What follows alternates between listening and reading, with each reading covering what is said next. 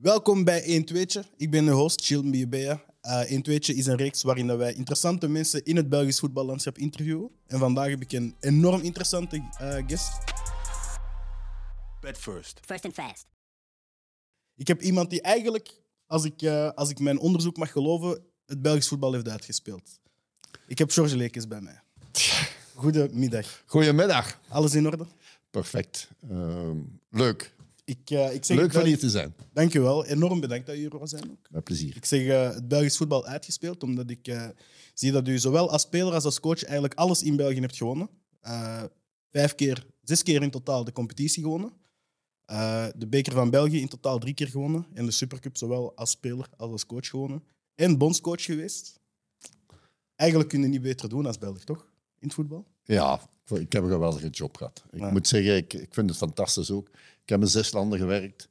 Ik heb verschillende culturen gewerkt. Ik heb ja. meestal ook niet altijd de gemakkelijkheidsoplossing uh, gezocht. Uh, Afrikaanse cultuur. Uh, mijn eerste ding was in Turkije. ja, nationale ploegen heb ik gehad. Ik heb vier nationale, na, nationale ploegen gehad. Twee keer in België. Dikwijls twee keer. Ploegen ook veel, twee ja. keer. En twee keer Algerije. Dus Tunesië, Hongarije. En ja, er verschil tussen clubtrainers en nationale ploeg. Ook de evolutie, want ik heb al uh, 36 jaar trainerschap, zeker.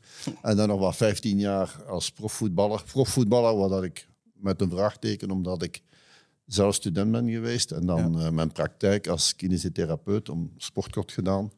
Dus um, ik was bevoorrecht een beetje. Ik deed toen ik profvoetballer was, had ik ook mijn zelfstandige praktijk ja. als fysiotherapeut, als kinesist. Dat was eigenlijk mijn eerste vraag. George Lekes de voetballer of George Lekes de coach? Wie was er beter? Uh, gelukkig is de coach beter geweest dan de voetballer. Nee, ik heb eigenlijk enorm veel geluk gehad ja. uh, bij crossing. Allee, ik heb eigenlijk van... Leuke is, want je zegt kampioen gespeeld in België, ja, vijf of zes keer en, en wat bekers gewonnen en, enzovoort. Maar ik ben ook kampioen geweest met Desselsport in vierde klasse. Een derde klasse met Sint-Niklaas, een tweede klasse met Sint-Niklaas. En, uh, Eigenlijk overal waar dat je komt, worden ze kampioen dus. Uh, was dat maar waar natuurlijk. Hè. Er zijn ook andere dingen. Maar de, het is wel zo dat je dus graag winnaar uh, bent, maar dat je ook in een goede club moet komen. Ik heb het geluk gehad om voor het Bosman-arrest van bij Brugge te komen. Brugge die dan op een bepaald moment kampioen speelt, 72, 73, het eerste jaar dat ik er ben. Ja. En toen gingen we eigenlijk failliet. En toen zijn we naar het Olympiastadion gegaan, ja. door Van Malen, het stadion dat nu verouderd is, dat maar niet vernieuwd wordt. En door een aantal toestanden, politieke ja. toestanden en andere toestanden, zoals het Nationaal Stadion, we gaan er nog wat bijgooien, dus we hebben nog genoeg stof, denk ik. en uh, ja, in 74 blijven we met een, een vijf, zestal spelers over, zoals ja. Raoul Lambert, Fons Bastijn, Krieger, Jensen. Uh, we hadden een aantal en we hebben dan ja, met Ernst Stappel een, een, toch wel een, uh, een trainer die misschien, uh, iemand, misschien de top van de, of de bill. Nu, ik vond ook uh, bijvoorbeeld, want wij zijn altijd over de buitenlanders bij. Ik vond ook een Remo Roethals fantastisch. Ja. Topper, tactisch zeer, zeer sterk. Een gitaar is totaal andere type. Ja. En ehm, ja, zo heb ik geluk gehad van uh, bij Club Brugge en dan toch mijn uh, carrière te maken. Ik zeg, dat gaat maar twee, drie jaar duren. Ik had een ja. drie jaar contract, ik ga mijn praktijk beginnen. Uh, niet dat ik niet zeker was van mezelf, maar ik vond dat ook. ik had dat diploma. Ik heb dan ook, heb ik dan ook aan 28 ben ik dan beginnen al trainerschool volgen. En ik ben heel vroeg begonnen altijd met te denken naar de toekomst. En zo ben ik eigenlijk aan, aan 8, 29 denk ik dat ja. ik al mijn trainersdiploma had. En zodoende ja, hebben, hebben wij het geluk gehad. En heb ik ook eh, durven bewijzen. Toen het Bosman-arrest kwam bijna, aan 35, heb je dan een vrije transfer. Op het moment ja. dat je wat geld kunt gaan verdienen, ben ik trainer geworden van Cercle Brugge. Op 35? Als Club Brugge speler. En gewoon op was, dan, was dat een moeilijke overgang? Ja, dat was not done. Hè. Een clubspeler naar Cercle Brugge gaan. Die blauw-zwarte, hier bij de groene. Ja, je weet, dat was nog een Brugge zelf, was het eigenlijk meer Cercle-minded. Brugge is groter, ja. tot de Willebroek, tot de Limburg enzovoort. Maar Cercle, dat was zelf wel daar. En is dat moeilijker te accepteren geweest vanuit de Club kant of vanuit de Cercle kant dan? Van beide kanten. Ik heb in beide clubs gewerkt. Ik ben twee keer bij Cercle Brugge geweest. Ik ben twee keer bij Club Brugge geweest als trainer.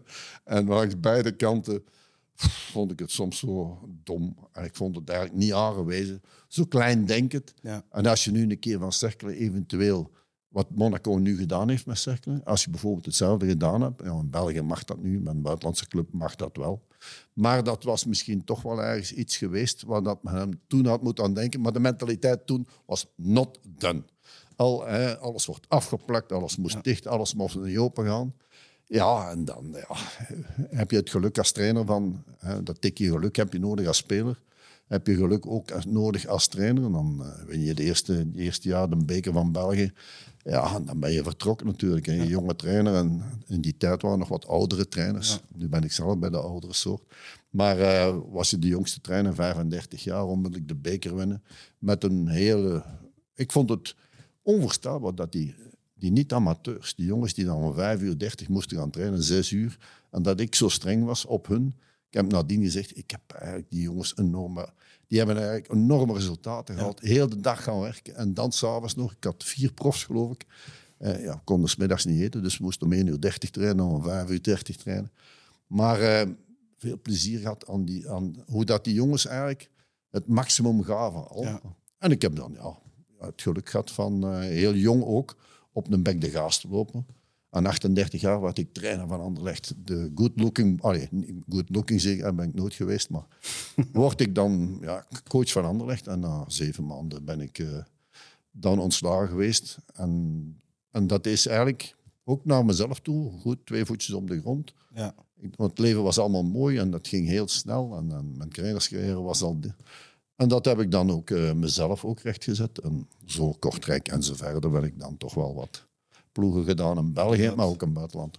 En als we het dan hebben over die trainercarrière, is er dan iemand, je noemde net Raymond Goethals, Guy Thijs, ja, de grote der Belgische coaches, is er iemand die dat eigenlijk een grote invloed op u heeft gehad? Of iemand Alles. waardoor u zei van, daar heb ik mij als coach een beetje naar gevormd? Zijn er natuurlijk redelijk wat bij dat ik zeg, zo ben ik niet. En Mhm. zo ga ik, ik niet, nu wer- niet werken. Ik had natuurlijk mijn, mijn opleiding een klein beetje als fysiotherapeut, als, sportkot, als sportkotter. Eh, niet vergeten dat in die tijd dat ik sportkot deed, ik Leuven. nog echt een goede student was. We deden letterlijk en figuurlijk ook s'avonds. dus ehm, kwam ik soms ook dat half metertje tekort. En in Crossing Schabeek waren wij nog een, ja, een ploeg die juist een eerste kon blijven. En dan pakte ik kaart en was, werd ik Mac the Knife, het mes. En dan kwam ik juist eigenlijk iets te laat. Ik was technisch zeker niet de volmaakte spelers, in tegendeel.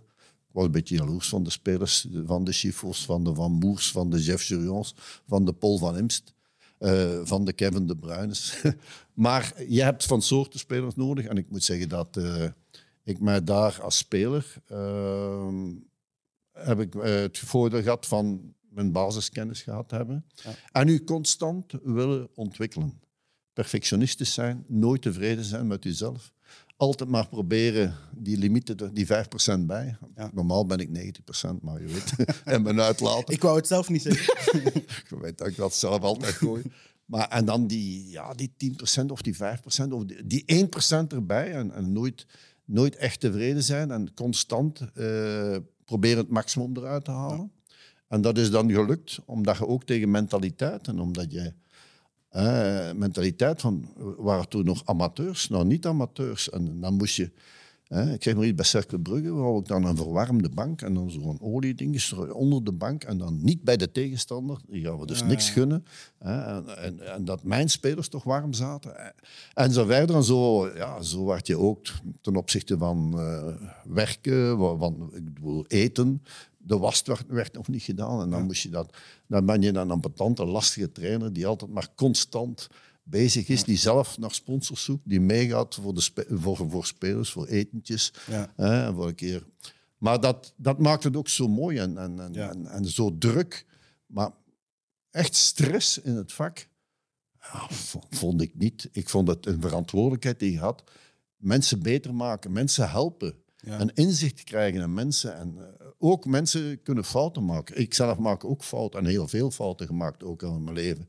Maar daaruit leren. En, en, en daarom dat ik eh, dat multiculturele eh, naar mezelf toe, de, vers- de verschillende landen gewerkt heb.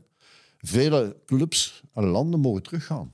Dus als dat niet goed geweest is, meestal Dat betekent dat een eerste keer zeker altijd heel goed is geweest. Of, of door omstandigheden, of privéomstandigheden. Ja. Er zijn omstandigheden geweest waar ik heb moeten terugkomen. Ja. Hè. Dat soms gaat het over kinderen, over de vrouw, of over jezelf. En ehm, daar is ook niks mis mee, maar dat ook te, te zeggen ook. Ja. Hè, en niet weg te steken. Zoals je zegt, heel veel clubs gedaan. Ook bondscoach geweest in het buitenland vooral. En dan, ja, als je zo kijkt doorheen Wikipedia, zie je allemaal Belgische vlaggetjes staan. En dan één Turks vlaggetje. En dan terug heel veel Belgische vlaggetjes. Dus dat eerste buitenlandse avontuur kwam er eigenlijk in de jaren 90 bij Trabzonspor. Hoe hebt u dat ervaren? Ja. Want dat is ja, niet het Turkije dat we nu kennen, toch, denk ik dan. Eh, dat was aan de Zwarte Zee. Hè. Dus dat was juist de overkant van Oekraïne. hè. Dus eh, ik zal zeggen, Trabzonspor was niet Antalya, dat was niet Istanbul. Dat was wel de, helemaal de andere kant. Ja. En die eh, een club is die heel fanatiek is. En door toedoen van een Belgische coach, Urbain Braams, en Jean-Marie Pfaff was er al geweest. Dus eh, die goed gesproken waren. Meestal de Belgische mensen spreken niet goed van de andere Belgen. Meestal duwen ze naar beneden en is een ander beter. En is een soort jaloezie. Urbain had mij aangesproken en die in één keer bij KV Mechelen was ik. Ja. Eh, wat ik zelf ook. Ik was bij Club Brugge trainer geweest, eh, geweest, kampioen gespeeld, beker gewonnen, juist nog tegen KV Mechelen. KV Mechelen die in één keer zijn spelers moest verkopen door John Codier. Een zaliger, fantastische voorzitter. Eh, ik ken niks van voetbal, zegt hij, maar ik ben, eh, hij is een goede bedrijfsleider, heeft dat moeten doen. En heeft dan zijn spelers, Philippe Albert, heeft dan Emmers en Bruno Verzavel en zo verder. Heeft al zijn spelers Eikelkamp moeten verkopen aan Brugge. eh, Veel spelers naar Anderlecht verkocht. Eh, ja, een tweede jaar. Ik zat er met mijn drie jaar contract. Natuurlijk, ja, zonder spelers is heel moeilijk van. Ja. Ehm, en toen ben ik, na dat jaar, ben ik naar drie dagen getraind in KV Mechelen, tweede jaar.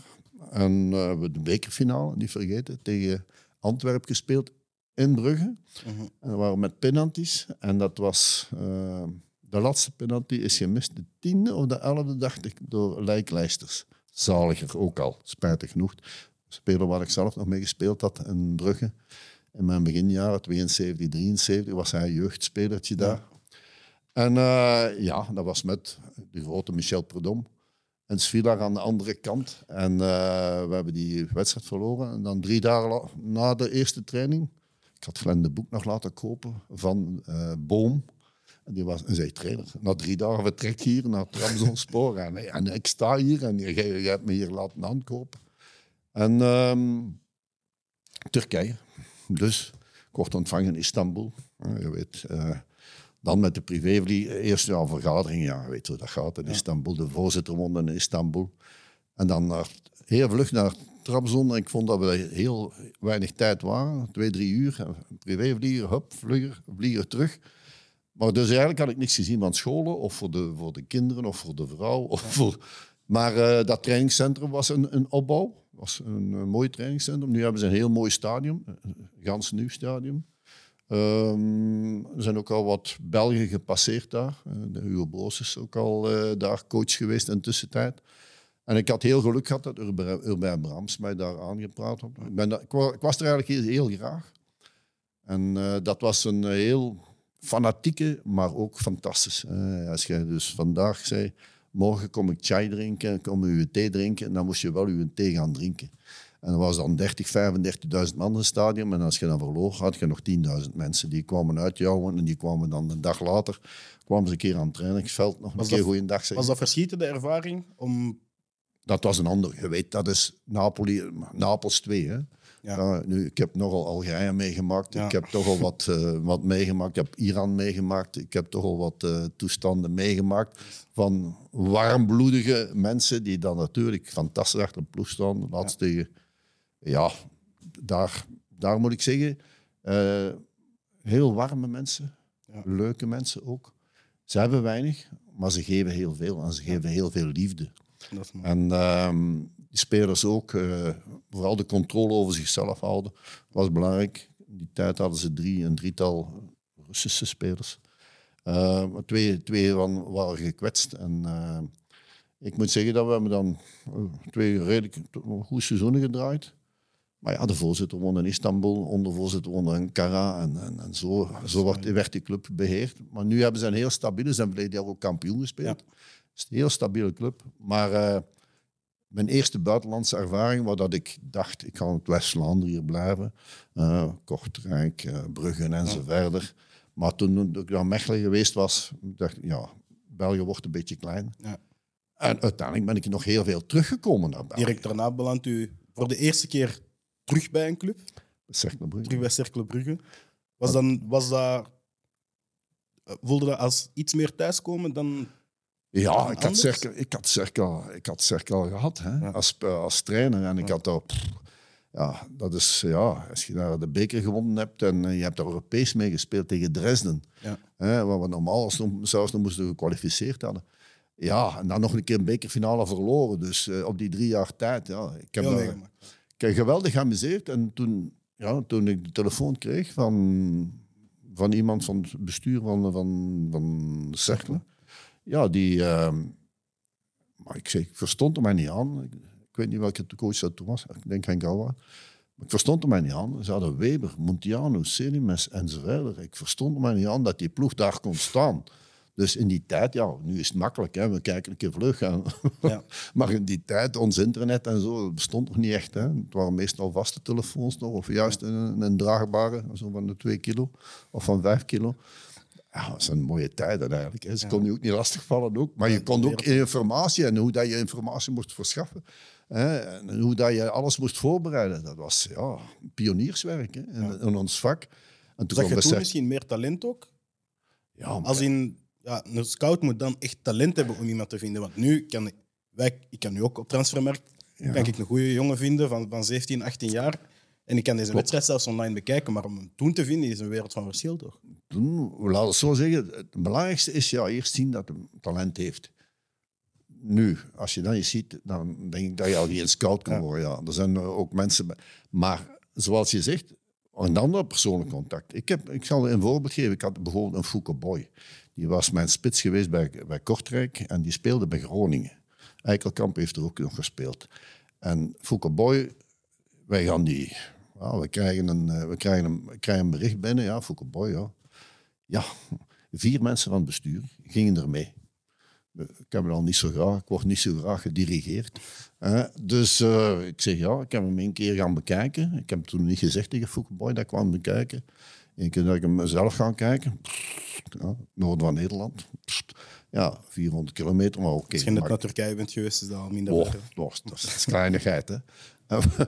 en eh, die, we gaan dus die vier, vijf mensen mee, en met vijf mensen in de auto en zo naar Groningen. Die speelt daar een wedstrijd, maar slecht. Maar slecht. Het trok dus echt, echt op niks. Ik heb er nog zo eentje gehad. Krinkovic. Eh, Eddie Krinkovic, die dan bij Cercle speelde, die heeft dan nog bij Anderlecht gespeeld. Ook nog bij een topschutter geweest. En Fouke Boy, die komt na de wedstrijd. En die komt naar me toe. Hij had mij al een keer gezien. En zijn schoonvader was ook bij de nationale ploeg. Daar uh, assistent-trainer geweest. Hij zegt, nou, als ik mezelf moest gaan kopen, zou ik mezelf nooit kopen. Zou ik mezelf nooit verkopen. Zou, ik zou nooit, nooit kopen. Klote match heb ik gespeeld. Ik zeg, maar die man moet ik hebben. Die heeft karakter, die heeft zichzelf. Weet dat hem slecht heeft gespeeld. Heeft bepaalde capaciteit. Hij was niet de technische voetballer, was krachtig. Had een goede, goede kopslag, eh, harde trap. Was een, eh, echt een, eh, samen met Farine was dat bij Club Brugge nadien. Kortrijk heb ik die meegenomen. Veel spelers die ik ook meegenomen heb, als ik kon. Als het financieel haalbaar is, als het kleine clubs zijn, kan, konden die meenemen naar een topploeg. Vroeger ging dat nog. Hè. Nu kan het de topploegen kunnen, kunnen zelfs de spelers van KV Mechelen en zo verder niet gaan halen. Spijtig genoeg. Maar het inzicht hebben, zoals je zegt, is met mensen omgaan. Is eerst inzicht hebben over de kwaliteit. Ik vind ook een jeugdtrainer dat die nog beter moet zijn als een A-trainer. Want die moet altijd zien hebben, want die kan het maken, die kan het niet maken. Eh, niet alleen de mentale waarden, de fysieke waarden. Oké, nu kunnen we al alles testing doen. Ja. Maar toen bestond dat eigenlijk niet. Was- als je dan nog doorduwde voor zelfs een polar, of eh, ja, dat lukte dan al niet. En als je dan eh, een aantal dingen erbij vroeg, nou, als we nu de instadscout en, en zo verder en zo verder, kunnen we alles nagaan, dan zien we elk, elke data. En voor mij, data zijn wel belangrijk. En in de tijd heeft men me gezegd, Lekes, ja, omdat je universiteit gedaan heeft, wil jij tonen? Ik zeg, nee, dit kunnen wij gebruiken. Dat is eigenlijk iets te vroeg met, met de Een, buik, modernisering. een buikgevoel, ik geloof niet in buikgevoel. Je ziet wel of iemand kan voetballen, of die het inzicht heeft, en waar dat die het wel kan maken, waar dat die misschien wel gaat lukken of niet gaat lukken. Dat, dat is dus eh, bij sommige spelers, hoe komt het dat die daar niet slaagt en dat hij bij die andere wel slaagt? Ja. Hoe komt het, ja, mentale begeleiding, fysieke begeleiding, eh, de wil tot, en bij mij blijft Geluk het ook. allemaal het hoofdje, geluk ook, maar Ik wil dan meest- vooral gelukkig zijn. Ergens, ergens gelukkig Ja. zijn. Nee, nee. Je Gelijk dat gezegd, spelers die ongelukkig zijn, kunnen ook niet presteren. Ja. Dus dat gaat van privévlak, dat gaat van kinderen, dat gaat naar de vrouw, naar relaties, heimwee naar heimwee. Goh, als je zelf geweest bent, hoe weinig dat sommige van die mensen hebben. Als ik twee keer de Afrika Cup heb gedaan, moet ik zeggen, mijn ogen, de, de tranen in mijn ogen en dan zeg ik, die mensen zijn wel gelukkig. Hè? En dan kom ik naar België en klaren en zagen. En dan zeg ik, weet je wat je doet? Kom een keer een, week of zes mee. Hè? En kom een keer mee naar de Afrika Cup. Niet de kant van de match, maar die andere kant. Hè? Naar die armoede en die pijn die ze kunnen doorstaan. En toch het plezier nog hebben. Ja. Het levensplezier nog hebben. Hè? En dan begrijp je toch wel dat je die jongens niet met vijven in een appartementje steekt of met, met vieren. Dat je die moet begeleiden. Ja. En dat was ik de zaag. Maar dat is iets in het voetbal dat denk ik vaker voorkomt. Iets dat nog niet misschien vaak in de media voorkomt. Want dat zijn vaak verhalen van spelers die dat er niet doorkomen. Want we kijken in de media, we luisteren altijd graag naar de verhalen van de spelers die er wel komen. Maar luisteren in de media veel naar de negatieve verhaal. Dat verkoopt. Dat je een goede gast bent, dat je kwaliteit hebt, dat je een, een, een autoriteit bent. Nee, dat je een bent. Dat, dat verkoopt toch iets. Van terribles verkopen meer magazines dan... Me- meestal is dat zo. ja. En, en van spelers ook. En, en sommige spelers maken een groep stuk. En sommige spelers maken zichzelf stuk. Ja. En ik heb altijd spijt. Ik, ik- we spreken altijd. Hè. Coaches hebben dat ook wel soms, gelijk iedereen. Ah, ik heb de, de dingen gehad. Ik heb de compagnies gehad, de Hazards gehad, de, de Bruines gehad. En, en nee, nee, ze hebben zichzelf gemaakt.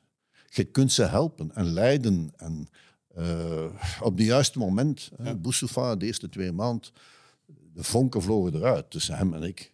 Totdat ik zijn vader gezien had. En zijn vader de verantwoordelijkheid gekregen van zijn vader. Want je weet altijd, in Marokko is datzelfde, Fellaini. De vader is nog altijd... Ja. Ja, dat is nog altijd hiërarchie. Ik geloof nog altijd in die hiërarchie. En gelukkig dat er nog, dat nog bestaat en respect. Ja.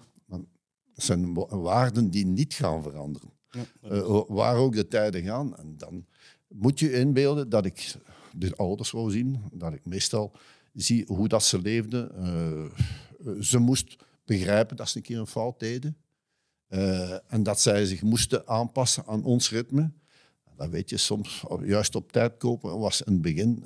En ik ben daar nogal heel strikt en nogal perfectionistisch op. En, maar geef ze ook de kans. Natuurlijk geen twintig kansen.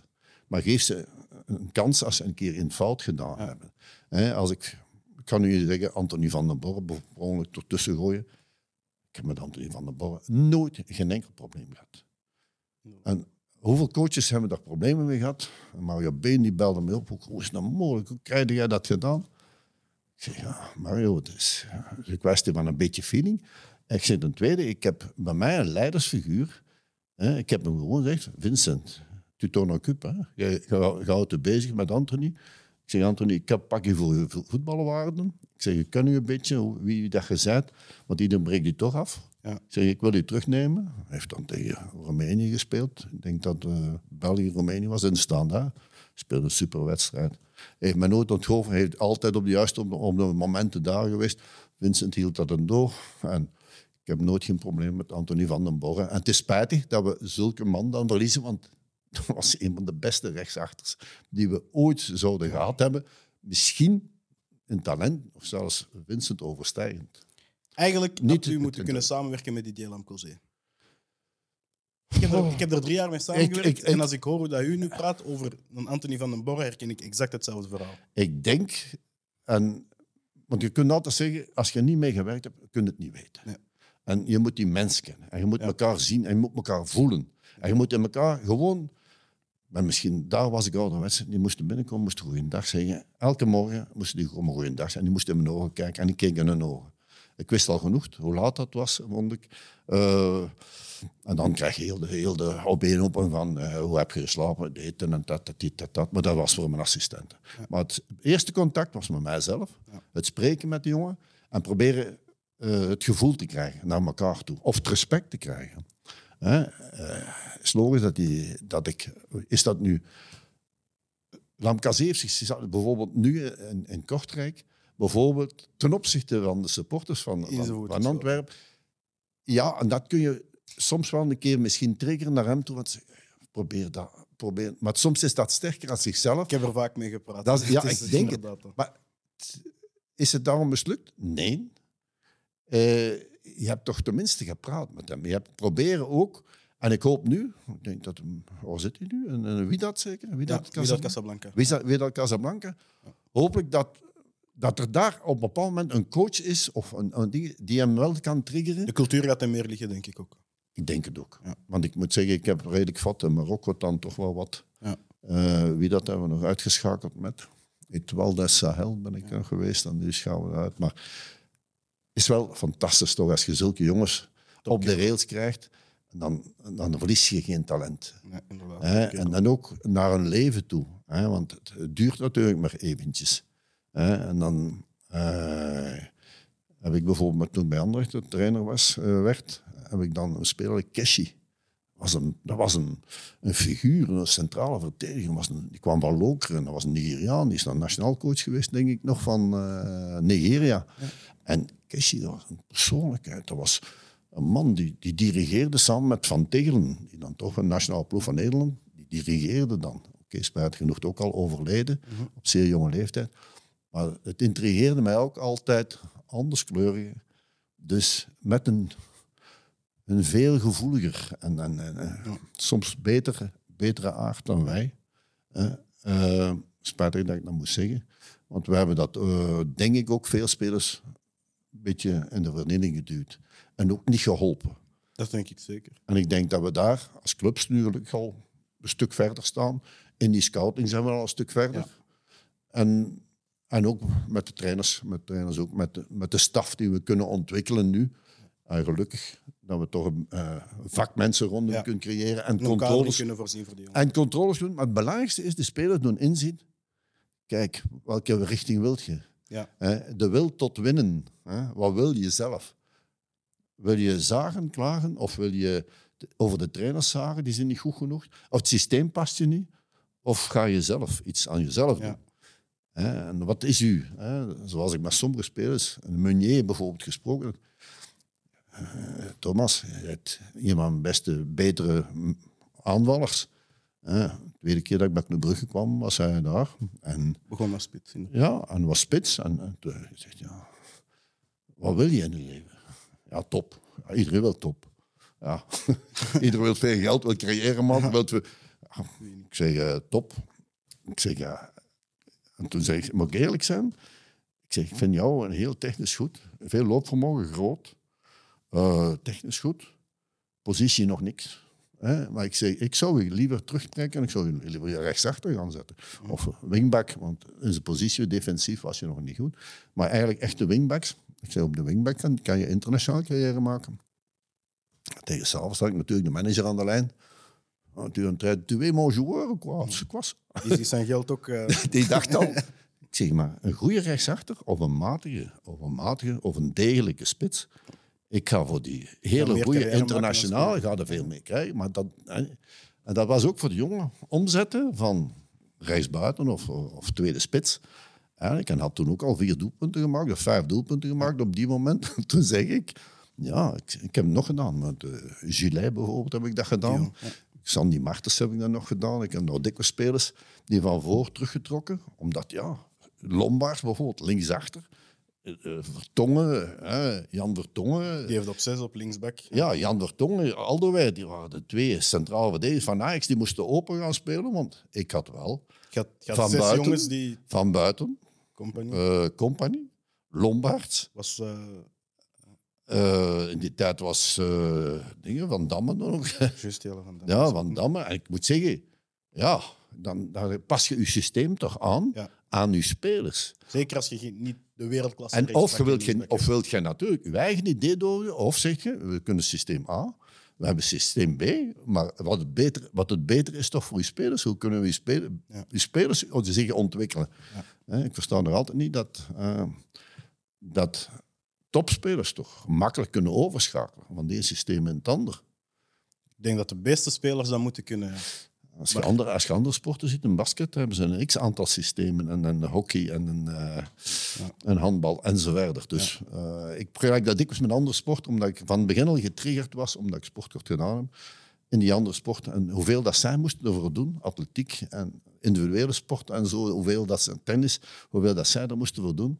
En hoe wij als team, eh, het, als voetbal, het leuker is. Heeft dat nog een verdere invloed op u gehad als tacticus, zeg maar?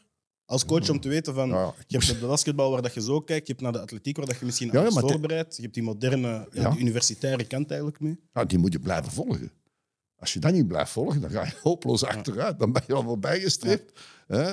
Dat is gelijk social media nu en zo verder. Dan ben je, ben je hopeloos terug. Als je die, de, de snelheid die er, ge- die er aan het gebeuren is, de omkadering die er aan gebeuren is. Ik heb voordeel gehad dat ik beperkte voetballer was, dat ik heel veel heb moeten nadenken. Want anders had ik nooit in eerste klasse kunnen spelen. En daardoor heb ik mezelf moeten ontwikkelen, want ik, had, ik vond het zelf niet te snel. Ik had de grootte al, in die tijd, een meter 87,5, was een grote verdediger al. Nu is dat een normale verdediger. Dat is bijna een linksback nu. Ja, nu is dat bijna die grote. Dus, maar die tijden veranderen. Die tijden veranderen. En dan heb je dan eh, toch wel ehm, het fysiek gedeelte. Het- maar voor mij was het belangrijk dat in die ontwikkeling, en ik zeg, veel dingen kun je eruit nemen. En Uit de individuele sport, wat ik niet graag deed, was zwemmen. Dat was nog wat anders.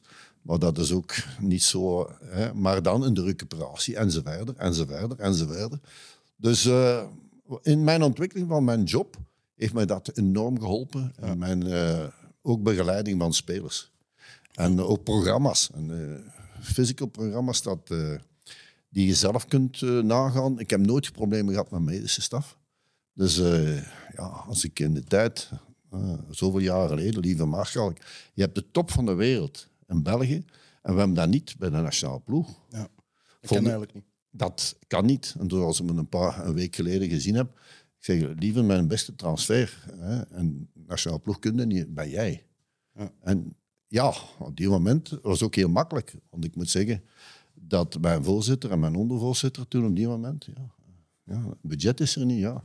Dan zijn we gaan zoeken voor grotere sponsors. En we hebben toch met BMW, met eh, PwC, PwC met, met GLS, eh, met ING hebben we grote, grote sponsors kunnen aandenken. En we hebben dan, niet dat Lieven, een, eh, maar Lieven wou dat ook graag doen. Lieven is, is Belg. Ja. En wij kunnen een verkoopproduct naar Engeland toe. Als ik Lieven naar Chelsea stuurde en als ik Lieven nu bij Real Real Madrid, Madrid, ja, nu bij Real Madrid, ja, dat is voor ons, voor België is dat, Dat is een exportproduct. Hè? een exportproduct. Zoals de spelers nu geweest zijn, de één zaak die achterblijft en dat begint nu gelukkig te de komen. coaches komen op. De coaches. En Philippe Clement stelt nu tweede in Frankrijk. Fantastisch, Philippe Clement. Compagnie is nu ga- kampioen spelen. Mijn derde trainer, mijn belofte trainer bij, bij Club Brugge, wanneer ik daar, daar was, dat was Mhm. die was derde trainer, was linietrainer van de verdedigers en van de middenvelders. En Brille was van de aanvallers en Van der Rijden was van de middenvelders ook. Mhm. En die deed de individuele analyses al, eh Philippe. Verstandig, twee voetjes op de grond. Heeft zijn eigen carrière gemaakt. Zo gezegd, matige voetballer, heel functionele voetballer. Wouter Franke, die het bij Genk nu goed doet. Een Geraars, die dat zeer goed doet bij Tegen Union. bij KV Mechelen vind ik met momenten ook leuk voetbal brengen. Ja, onvoorstelbaar. En dan zie je dit, dit soort spelers die zichzelf aan het manifesteren zijn en die straks internationale carrière gaan maken. Ik ben ervan overtuigd. Waarom is dat zo, heeft dat zo lang geduurd? Onze spelers hebben zich wel gemanifesteerd Ja. in Engeland, Italië, Spanje of waar dan ook. Het heeft zijn tijd ook nodig gehad, eer dat we ons goed hebben gemanifesteerd op internationaal niveau natuurlijk. Zijn er nog spelers waarin u dat hebt gezien, die, waar dat u van denkt, dat gaan nog coaches worden of dat, dat zullen nog bondscoaches worden? Ja, Want uiteindelijk, als we, bij als we compagnie is niet moeilijk. Bij compagnie is niet moeilijk, want ik had... Dat was op zijn zestiende, denk ik al. Bij- bij- ik weet het niet. Ik weet het niet. Ik denk dat er sommigen in België altijd zo'n beetje jaloezie ten opzichte van persoonlijkheden. Ik vond dat eh, Vincent was geen kapitein van de ploeg toen. De keuze was toen op eh, Thomas Vermalen. Ik verstond dat niet. Toen het eerste wat ik gedaan heb, is... Zo jongens, ik ga je overroelen. Spijtig. Voor de rest wil ik democratie. Je mocht ook meespreken. Maar dat is één beslissing dat ik neem. Vincent wordt mijn kapitein, omdat hij op en naast het veld, Een mediatiek en eh, naar uitstraling toe, ja, kan je niet beter hebben. Een voorbeeld, een voorbeeldfunctie ten opzichte van iedereen en nog wat. Ja, dus eh, zag ik niet in, omdat er een probleem was geweest met Dick Advocaat. Een keer omdat zijn grootmoeder of zo verstorven was, of zo ergens. Ik zeg, dit is de- echt een fantastische kapitein. Ja. Een fantastische mens ook. Spijtig dat hij uit België nu weg is. Kijk wat hij nu doet in België. Wauw, fantastisch. En ik denk dat hij stilletjes aan eh, Guardiola, eh, als Guardiola daar weggaat, Manchester City, en dan hebben we weer topcoaches op wereldniveau. En dan kan hij misschien de latere fase misschien terug een keer bij de nationale ploeg keren. Als hij een beetje... Want als Anderlecht hem die drie jaar niet had gehad... hè, ik moet ook zeggen, met dank ook aan eh, Verkouter. Ik ben heel blij dat Verkouter, gaan we straks toe komen. Maar met... Want anders had Anderlecht misschien al zes trainers gehad in plaats van drie, in, die, in die drie jaar dat hij er Hij geweest heeft dat is. krediet ook mede dankzij de speler die hij was. Zonder dat hij het niet verdiend heeft. Maar ik denk wel dat... Hij is een leider geweest, altijd op ja, het dat wel. veld. Maar hij is een icoon ook gewoon. Ik denk in heel Belgisch voetbal kun je nergens ontkennen dat hij een van de grootste iconen is dat we ooit hebben gehad, Eh, misschien. Ik denk de grootste, en nu is er iemand ook, eh, De Bruyne natuurlijk, die, die aan het maken is. Maar die is dan misschien niet zo mondig of zo. Het, het leidersfiguur. Hij is In anders. beeld. Hij is anders. Ja. hè. Ik heb, ik heb de, de Bruyne gehad, Kevin heb ik gehad bij Gent. Ik was dan coach bij Gent en hij was bij de jeugd. Ik zeg, eh, Michel, Michel Louagie en De Witte, in die tijd waren we eigenlijk failliet. Hè, want we het oud stadion en we hadden allemaal vrije spelers. Wouter Franke was erbij, eh Boussoufa was erbij, eh Lombards was erbij, eh, pff, Folie was erbij eh, eh, en zo verder. Smoy, Smoy en zo verder. Wel, Grégoire was erbij. Ehm, belangrijkste was toen, op die moment, eh, dat... Daar liep er zo een, ros, rostje zo, bij de jeugd. En ik zei, Michel, die moet wel een fantastische voetballer. Spe- speciaal karakter. Nogal eh, een winnaar. Een winnaar. Ik kan niet verliezen. Je je hebt ook gezien wat er gebeurd is natuurlijk nu. Spijtig genoeg. Misschien, misschien wel niet spijtig genoeg. Misschien is het goed wat er heeft moeten gebeuren. Eh, en ik vond ook van de nationale ploeg was dat een beetje spijtig.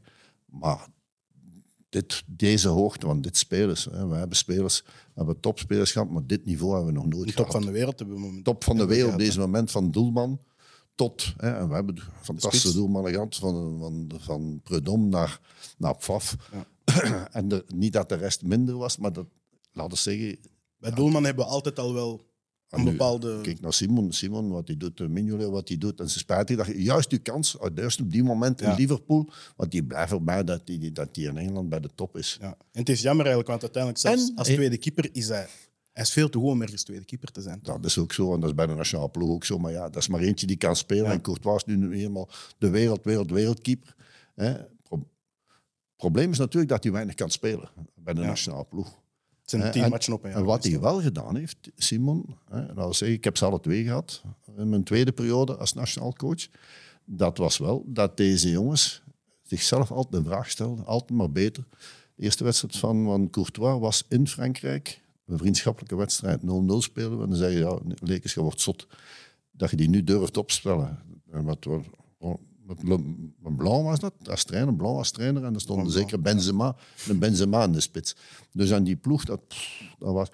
Ja, was zeg, wanneer moeten we testen, vriendschappelijke wedstrijden? We spelen tegen Frankrijk, dat is ideaal voor tegen. En Simon was dan al, had tegen Oostenrijk gespeeld. Simon was eigenlijk perfect. Ik zeg, Simon is mijn eerste keeper, ja. Ik zeg, en nu gaan we die jonge gasten gaan een keer proberen, die van Genk daar. Dat ziet er wel. Maakt er een wedstrijd 0-0 spelen. Uiteindelijk geen kampioen gemaakt. Hè. Ja, heeft, fantastisch. En dan zeg je, wat ik wou nog wat toekomen is, dat die gasten het altijd maar willen verbeteren. En altijd maar willen verbeteren. En constant harder werken. En Zelfs Courtois wil niet uit de rol. Die wil zelfs de kans niet laten. En dat, daar, daar gaat het om. De beste willen worden onder elkaar. En Simon heeft nu eigenlijk, vanuit Engeland terug te komen, meer een meevoetballende keeper te worden. Ja, ja, Die speelt al de dubbele 16. Hè. Ze speelt nu al... eh, allee, ze staan bijna al op een penaltypunt, Ja. op een kleine baklijn. En dat was vroeger anders. Ze stonden eigenlijk een meter van de lijn, of twee meter van Ja. de lijn. En nu komen ze al vijf meter, nu zitten al tien meter, dan zijn we al een dubbele 16. En ze hebben zich een aanvallende keeper gemaakt. In Ja. plaats van de, de reacties. En ze weten hoe dat de evolutie van de doelmannen, hoe dat die aan het evolueren is. En ze zijn meegevolgd. En ze zijn die elfde, de eerste aanvaller, of de, de eerste passing man. En ja, dat heeft Simon nu toch in Brugge. Hij, Duidelijk. heeft zijn kampioen gemaakt mee, uiteindelijk. Ik Hij heeft een groot aandeel in de heel- kampioenschappen die hij heeft gewonnen hier. Ik heb die wedstrijden gezien in Porto. Ik heb de wedstrijd thuis tegen Porto gezien. Champions ik heb League eh. Champions League. Ik heb de wedstrijd tegen Union gezien. Ik denk dat we moeten zeggen dat Simon een heel grote deel... Allee, de man is die Club Brugge kampioen gemaakt hebben, anders is de Union kampioen. Ja. Zo, dat- zo simpel is het. We kunnen het ineens hebben over Brugge, waar je zelf ook twee keer bent geweest. Wat? Dus de staat van Brugge bijvoorbeeld op dit moment is ook nog iets waar ik het mee over hou. Eh, als, als, we, als we nu ook zeggen, en we moeten dat ook zo durven zeggen, ik ben een clubman en iedereen weet dat ik blauw-zwart ben en dat ik daar zoveel jaar gespeeld heb en dat ik twee keer trainen. Maar als ik de wedstrijd zie tegen Cercle, nog altijd dank u wel, eh, Simon. Want als Simon Mignolet daar niet staat, is 3-0. Ja. En dan, hebben we dat, dan heeft Club Brugge daar niks op te zeggen.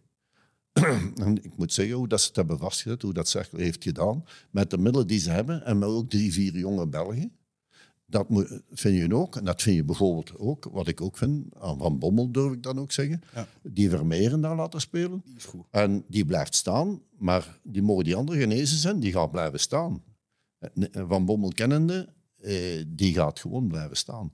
Een goede speler. Onvoorstelbaar. Ik moet zeggen, aan, aan die leeftijd en dat al doen. Dus niet zeggen, we hebben geen klasse genoeg. We hebben met Lavia, we hebben met, met Vermeeren, we hebben met, Heinen, we hebben met Onana. We hebben, we hebben veel aankomen. We moeten alleen maar... Conga. Ja. Er Dus nog heel veel op die, dan nog... en, eh, op die positie, en dat is concurrentie. Ja, dat is goed. Hè? Tuurlijk. En als sommigen wat ouder worden en die jongeren die komen, ja, die, en die, moeten, die zich manifesteren, moeten tonen dat die. Ze moeten die ouder eruit spelen. En als die ouder. Ik heb er toch nog eentje gezien van Real Madrid, die was 37, Modric. Als ik die zag vo- voetballen, Tegen Liverpool. ja, en die heeft ook de 2K gespeeld. Tot de laatste wedstrijd, dacht ik toch. En vaak 120 Ja. minuten. 120 minuten. En dat, die frisheid. En die is terug. En die heeft goesting. En die vindt het plezant voetballers te zijn. 37 jaar, dat is gelijk een, eh, een Duracell. Ik zeg, wat is dat hier? En dan zag je die tweede helft. Dit hebben wij nog weinig gezien, zelfs van Real Madrid. Een Benzema, 35 jaar. Top van de wereld. Top, kaatsing, terug, beter laten spelen, Vinicius. Oké, die is jong en hij wil wat. Hè, en, en, ik moet zeggen, onvoorstelbaar. Het, het leuke voetbal dat we daar gezien hebben, was, eh, ik moet ook zeggen, het WK was ook, van ons Belgen was het niet goed. Nee. We hebben het zelf een beetje negatief op voorhand. We hadden wedstrijden tegen Nederland, de Nation League.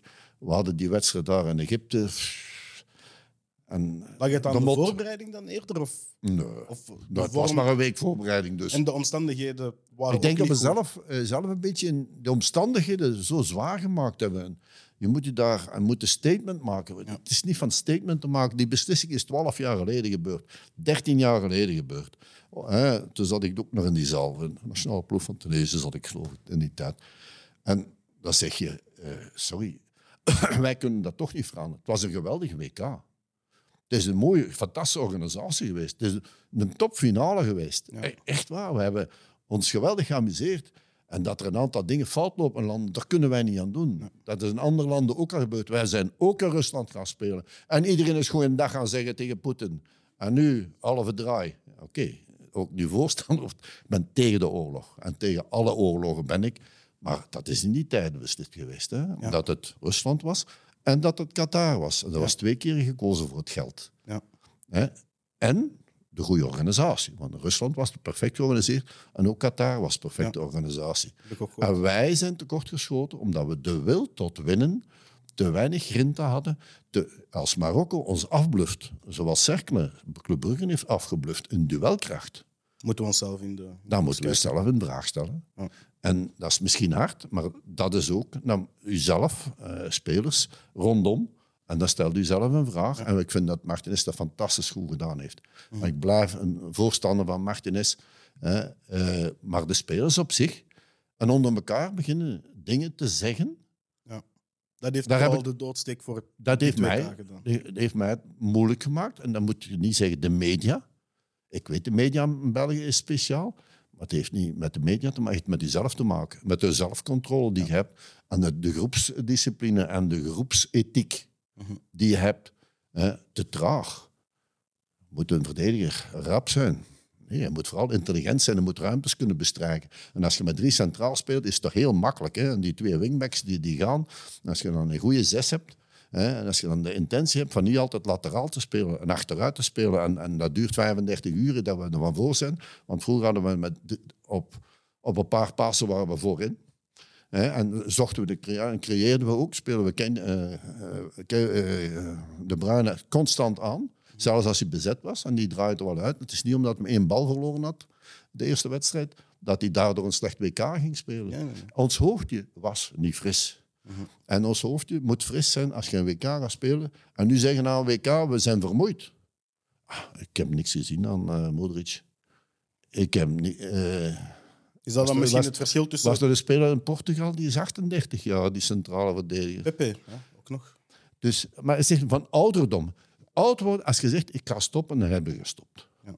En als je hier in je, je hoofdje, dat in je hoofdje speelt, ik, nee, kan je nog afzien? Wil je nog afzien? Ja.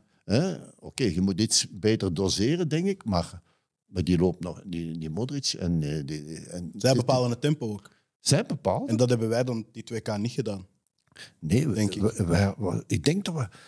Dat, we dachten tegen Canada, hebben we dan het geluk gehad? Dan Toby Alderweireld heel lang een bal geeft. Die... geluk, alle geluk van de wereld. Voor de rest was de slechtste wedstrijd. Samen met Marokko was dat. En ik moet zeggen, tegen, tegen Kroatië hebben we dan tweede helft hebben we weer gespeeld zoals Ja, ik denk als Lukaku die match fit is, dan, dan winnen we die match met, met twee mocht doelpunten verschil. Weet je ook dat Medes niet mocht. Nee. Dus het is geen verwijt naar de medische staf. Nee, dat en ook niet niet, naar de spits en niet naar de medische staf. Maar je weet ook, als je dat geluk mee hebt en hij is fit, dan... En we hadden niet het patroon voor er iemand die dezelfde patroon is. Dezelfde, en, en als hij, ik zeg het, de eerste wedstrijd had kunnen spelen, dat dat ritme was er terug. Ja. Eh, en we hebben dan toch een gat in de lucht gesprongen toen, eh, tegen Inter nu. Als hem nu een half uur invalt en hij scoort, en dan zijn we allemaal happy. Ja. En eh, dan, eh, ik, ik moet zeggen, die beleving had ik niet. Nee. Had ik niet rondom. Zou wel moeilijk zijn. Gewoon Vanuit, vanuit het kamp van de Rode Duivels dan, of vanuit heel België? Alles. Allemaal verwijt ik. Ja. nu ben ik misschien fanatiek. Nee, maar nu, maar ik verwijt mag. allemaal omdat we alles in, in gang gezet hebben. hè. en eh, ik ben tegen alle vorm van racisme en te- tegen alle vorm van, eh, van dingen. Maar je moet je focussen op die voetbal. Ja.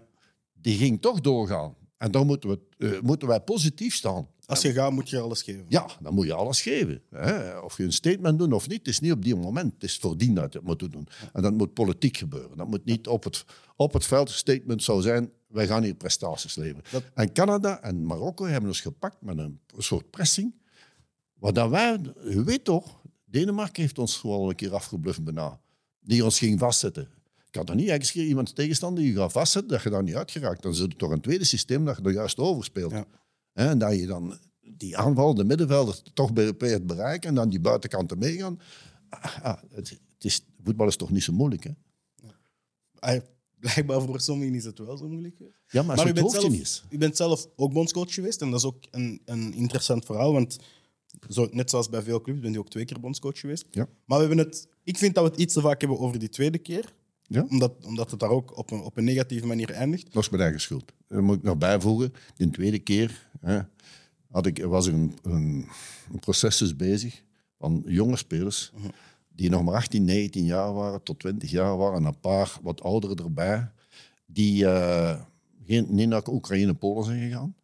En dat ik gezegd heb, the way to Brazil is nu van ons. Ja. Omdat wij ons vraag de vraag gesteld hebben, wat is er en hoe- eh, waarom hebben we geen resultaat? Ik heb het in een groep gegooid, ik heb groep, groepsessies gemaakt, eh, verschillende groepjes, en we kwamen tot hetzelfde uit. Moeten wij fundamenteel iets veranderen? Hè? Gaan we op tactisch vlak iets veranderen? En wat, wat, wat willen jullie, en wat zij wouden, dat een professionele organisatie rondom de nationale ploeg dat, zij kwamen ook graag, want die, tot nu toe komen die ook nog zeer graag naar de nationale Dat ploeg. ziet je. Ja. En je ziet dat dat ook vrienden zijn, want ik vind een beetje spraken nu, moet er nu niet meer over spreken. Het lijkt alsof het, het erger is dan, dan het En waarschijnlijk toen ben ik vertrokken en ik moet zeggen, mijn hart was bij de nationale ploeg nog altijd. Ja. En Bart is me komen, Bart Verhagen heeft me komen weghalen naar Club Brugge. En dat was een foutje. Ja. Omdat ik vond, ik dacht, iedereen begrijpt dat wel, dat is mijn ploeg. En Brugge had mij nodig. En Bart zei, Jos, je een clubman en je moet ons komen helpen. En binnen de drie jaar spelen we kampioen. En, ah, en eigenlijk een beetje... En daar heb ik mij eh, laten over spreken. Nu, dat is een beslissing die ik, ik helemaal op het einde heb gedacht, oh, oké, dan. Maar ik heb me mis ingeschat dat de gewone mens Dat niet zo zou. en dat Brugge content was, ja, dus de clubsupporters die mij kenden en die mijn manier van werken. En die, zou dat, die vinden dat wel plezant. Maar je ziet wel dat het ook niet geholpen heeft, want omdat je zelf ook niet gereed wordt. Ik heb juist gesproken over spelers waar die gereed. Ja. Dat betekent dat je niet gereed. Ik was niet gereed voor Club Brugge die tweede keer. En, en het was ook de momentum niet. Ik zat nog met mijn hart daar. Ik, ik was ik meer aan het kijken naar de nationale ploeg. Is hopen dat ze winnen, want anders de verwijten gaan nog groter zijn. En de mensen, en ik kwam een OHL, eh, bedrieger. En, en ik moet zeggen, ik kwam ook de Brugge daar spelen en ik, ik voelde die, ik zag die spandoek hangen. Ik, en normaal publiek, pff, hoe meer dat, nee, pff, goh, kan me allemaal niet, dat kan me niet schelen. Ik vond het geweldig dat 15.000 of 100.000 mensen tegen u is geen probleem. Maar dat er twee, drie onnozelaars en op zo'n ene spandoek zo, dan, ja, dan... eh, en toen moet ik zeggen, die, die, toen heb ik mezelf ook bijgesteld. Ben ik nationaal ploeg van Tunesië ben een keer komen spelen. En hebben ze, ze zijn juist afgereisd naar, naar, naar eh, Brazilië. En Mertens maakte goal, drie minuten van het einde. Ik sprong zelf in de lucht. Zeg. Dus België, Tunesië, wij speelden de hele tijd verdediging. Ja, we konden, Kon niet weg. We werden gewoon, ja, je, ging juist naar Brazilië de, twee dagen later. Dus ik was nog content dat je dan 1 won. En eh, ik kan nooit vergeten, na 20 minuten leggen ze die match stil voor een hagelbui. Juist. Een hagel dat dat deed. We staan in die gang zo, ja, je kent dat, ja, vijf minuten, tien minuten. ik zie daar, ik zie daar eh, de mannen staan, en ja, dat zijn mijn ex-spelers, ja. dat zijn eigenlijk kinderen. hè. Dat zijn, eh, en als je, nationale ploeg is altijd het mooiste dat er is. Ik zie ze terug, alles trainer, alles goed, ja, ja, ja. ja. Ik ga alles toch laten winnen. Ja, zo, kent dat. Ik zie Eden, ja, ja, en Eden komt dan. Hij zegt, Eden, ça va, mon ami? Hè? Tout passe bien. Ja, je weet dat ik met Eden, met mijn eh, hamburger incident, incident, met wel ging het zelfs niet over. Het ging over dat ik van Eden meer verwachtte dan ene goal en drie assists en twintig interlands. En, ik zeg, en, en de attitude, en ik zeg, jij moet me dat bewijzen. Als je gaat nu, maar wie zijn de Rijssel? Wie is dat? Ze hebben dan wel kampioen gespeeld. Hè. Dus ik een beetje jennen en een beetje dit. En hij zegt, hey, hey entraîneur, ça va, ça va? Zeg, ça va, tes enfants, oui, oui. Hij heeft er vier of drie of vier, of vier had hem Vier, toen, of vier, vier. Drie dachten hem toen had. Ja. Drie. Ik zeg, ja. nou. Hij zegt, eh, on a le temps, hein? on va manger een hamburger, c'est moi qui paye cette fois-ci. ja, en, en dan, als je die relatie dan kunt houden, dan zegt hij, ja, hij heeft het begrepen en, en, en oké, en nu spijtig een beetje. Hij zou zich moeten kunnen terug ergens met een andere club moeten kunnen herpakken. En dat is Eden, die, eh, dan hebben we daar nog eh, zeker tien minuten in die gang daar staan, moet staan wachten, dus die match terug begonnen. Maar, en dat is het verhaal van eh, Tunesië. En dan ben ik bij een paar andere nationale Algerije nog geweest, denk ik. Maar we moeten het als bondscoach natuurlijk ook hebben over die eerste keer, waar de, waar de eigenlijk, ja... ehm, u moet het overnemen van Wilfried van Wilfried. Wilfried, Ja. ja. Eigenlijk na een 6 op 9, een te- teleurstellende 6 op 9 bij wijze van spreken, vooral voor de manier hoe dat ze tegen Nederland ja, Ja. eigenlijk kansloos een beetje Ja, zijn overklast. En daarna is, eh, is dat nu de taak om eh, ja, minstens 12 of 15 te halen eigenlijk, om, om u te kwalificeren voor, eh, voor de play-offs dan, voor het WK. Hoe hebt u die, die kwalificatieperiode vooral ervaren? Ja, ik moet eerst zeggen, ik zat bij Moeskroen. Hè. Ja. Ik zat in Moeskroen, ik zat eh, privé. Mijn, mijn- mijn vrouw was een hersenbloeding gehad en, en kreeg de kans aan de nationale ploeg eh, te gaan in februari. Januari, februari, februari was het. We staan dan bij de eerste, want Moeskroen speelde lossen door met de Mpenza's en Ja. Lomwan erachter. Goede organisatie, Vidovic erachterin in plaats van voorin. Voorin was hem te traag, achterin deed hij dan goed zijn job, linksvoetig. En eh, wij spelen los door, want anders ging Lierse nooit geen kampioen zijn. Sorry Erik. Eh, Gerrits ging, ik denk dat Moeskroen geen kampioen geweest zijn. Maar maakt niet uit, we winnen dan tegen Club Brugge en, en zo verder. En één keer word ik gecontacteerd door de bond. Een slechte wedstrijd, uh, Wilfried uh, krijgt alle zonde van Israël. Maar, uh, wat men verwachtte was ook een, een, een reorganisatie. Ik zal het zo zeggen. Dus ik werd aangesteld voor 2000. 2000 en van 96 of 97, dus voor 2000. Ja, voor euro 2000. 97. Voor euro 2000 moest ik eigenlijk komen. Ja. Dus uh, ja, nou, begin met, met een, heel aantal dingen doen. Ik was sportief directeur, ben ik twee keer geweest. Sportief directeur en bondscoach tegelijkertijd. Op die moment absoluut noodzakelijk. Uh, ik heb dan Ariel Jacobs, directeur jeugd gemaakt. Omdat hij was eigenlijk mijn assistent. Ja. En toen heb ik Eddie Snelders genomen naast mij. Ja. Iedereen zou zeggen, ja, maar nee, Ariel Jacobs was een vakbekwame man. Ik zeg, als de grondvesten van onze bond en van onze jeugdwerking, en Ariel kan goed speechen, kan goed spreken, hè, kent de jeugd. Kan met jonge gasten werken. En is ook een ideale man, vond ik, directeur jeugd. En ik pak dan uh, Eddie Snelders, hè, die niet onderlegd, die ik gehad heb als, als speler bij, Club, uh, bij uh, Kortrijk. En die super intelligent is. Uh, ik zeg, het is geen nationale ploeg voor de A-ploeg. Maar als mijn, mijn assistent was dat formidabel. Als hij, de manier dat hij dus omging met die jongens. En de manier, eigenlijk moet je geen echt trainerschap van de club. Of bij een nationale ploeg is totaal wat verschillend. Wat is Dus- het grootste verschil voor u daarin? Want dat is iets dat wij heel vaak horen van trainers, maar iemand die zelf... Elke dag op dat veld staan. Hè? Ja. Dus laten we zo zeggen, wij, wij moesten maar beginnen met een professionele organisatie op punt te zetten. Ja. Mensen rondom, mensen daar, ja, die, die niet erbij, die wel erbij. Uh, nieuwe perschef. Mijn uh, perschef werd dan teammanager. Mijn persoonlijke uh, Piet Huis, mijn persoonlijke secretaris, die onverstaanbaar goede administratie, uh, mails tot orga administratieve organisatie was perfect. Ik denk dat dat een van het beste is van allemaal. Ik had daar gelukkig met Michel Dogen, had ik daar uh, kunnen regelen. Michel had al gemaakt dat we dat nieuw huis hadden, maar we zaten nog in de stad, in Brussel. Dus uh, het glazen huis, dat nu ook al in tussentijd verdwenen is. De bij de stroop. En door 2000 is ook dan natuurlijk, uh, hebben we de, onze, ons nieuw trainingscentrum kunnen ja, zetten. In Tubies. Ja, hebben spijtig genoeg. In 2000 hebben we gerateerd van al zijn nieuw stadiums te zetten. Want toen had het moeten gebeuren, toen kon het nog en nu kan het niet meer door een aantal omstandigheden door sommige mensen, door sommige politiekers en door sommige eigen voetbalmensen. En uh, toen ben ik begonnen met, de eerste keer, ik ga het nooit vergeten, ben, uh, heb ik een vriendschappelijke wedstrijd, of we hadden drie dagen hebben georganiseerd. We gingen in Brussel samenkomen, we gingen dan gewoon karting doen, we gingen naar Brugge, we gingen daar gaan eten. Ze hebben een keer goed op sortie mogen gaan. Ik zeg, morgen vroeg gaan we dan trainen. Eh, eerst wat eten, en dan vertrekken we terug naar het stadion. Dan gaan we daar wat trainen. En that's it. Dus gewoon karting, uh, eten en drinken. En zij kost een keer uitgaan. En bij mij was gewoon een kwestie van een paar links en rechts de speler wat gezien te hebben. En zeg, op dat uur is iedereen er terug thuis of terug in het hotel. Dus we hebben dan twee, drie dagen gedaan eigenlijk. Gewoon amusement. -huh. In plaats van de mentale belasting, een nationaal ploeg, druk, druk, druk, was dat ontspanning. En zei, het is de eerste keer dat we dat meemaken. Dus maar dat merk je tot nu nog steeds, vind ik. In, in het samenkomen in Tubize.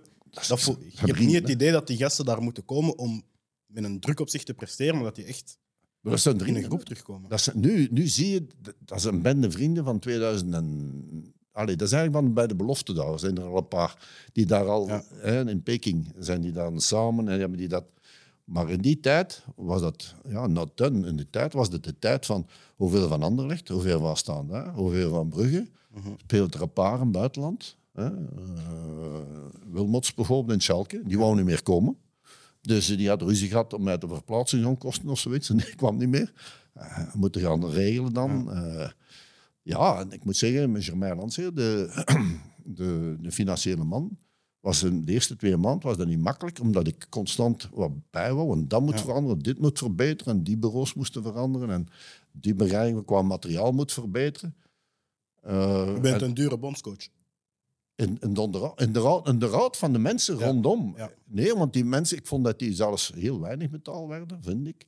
Ja. Eh, wat ik Nee, ik zelf- bedoel in functie van de omkadering die dat je rond het team wilt zetten. Ja, ja. Ik, ik, daar gaf ik druk. Ja. En eigenlijk was die druk anders. Er komt die druk op de spelers en ik probeer die druk van de spelers af te houden, zodoende dat ze moeten presteren, maar geen druk van buitenuit.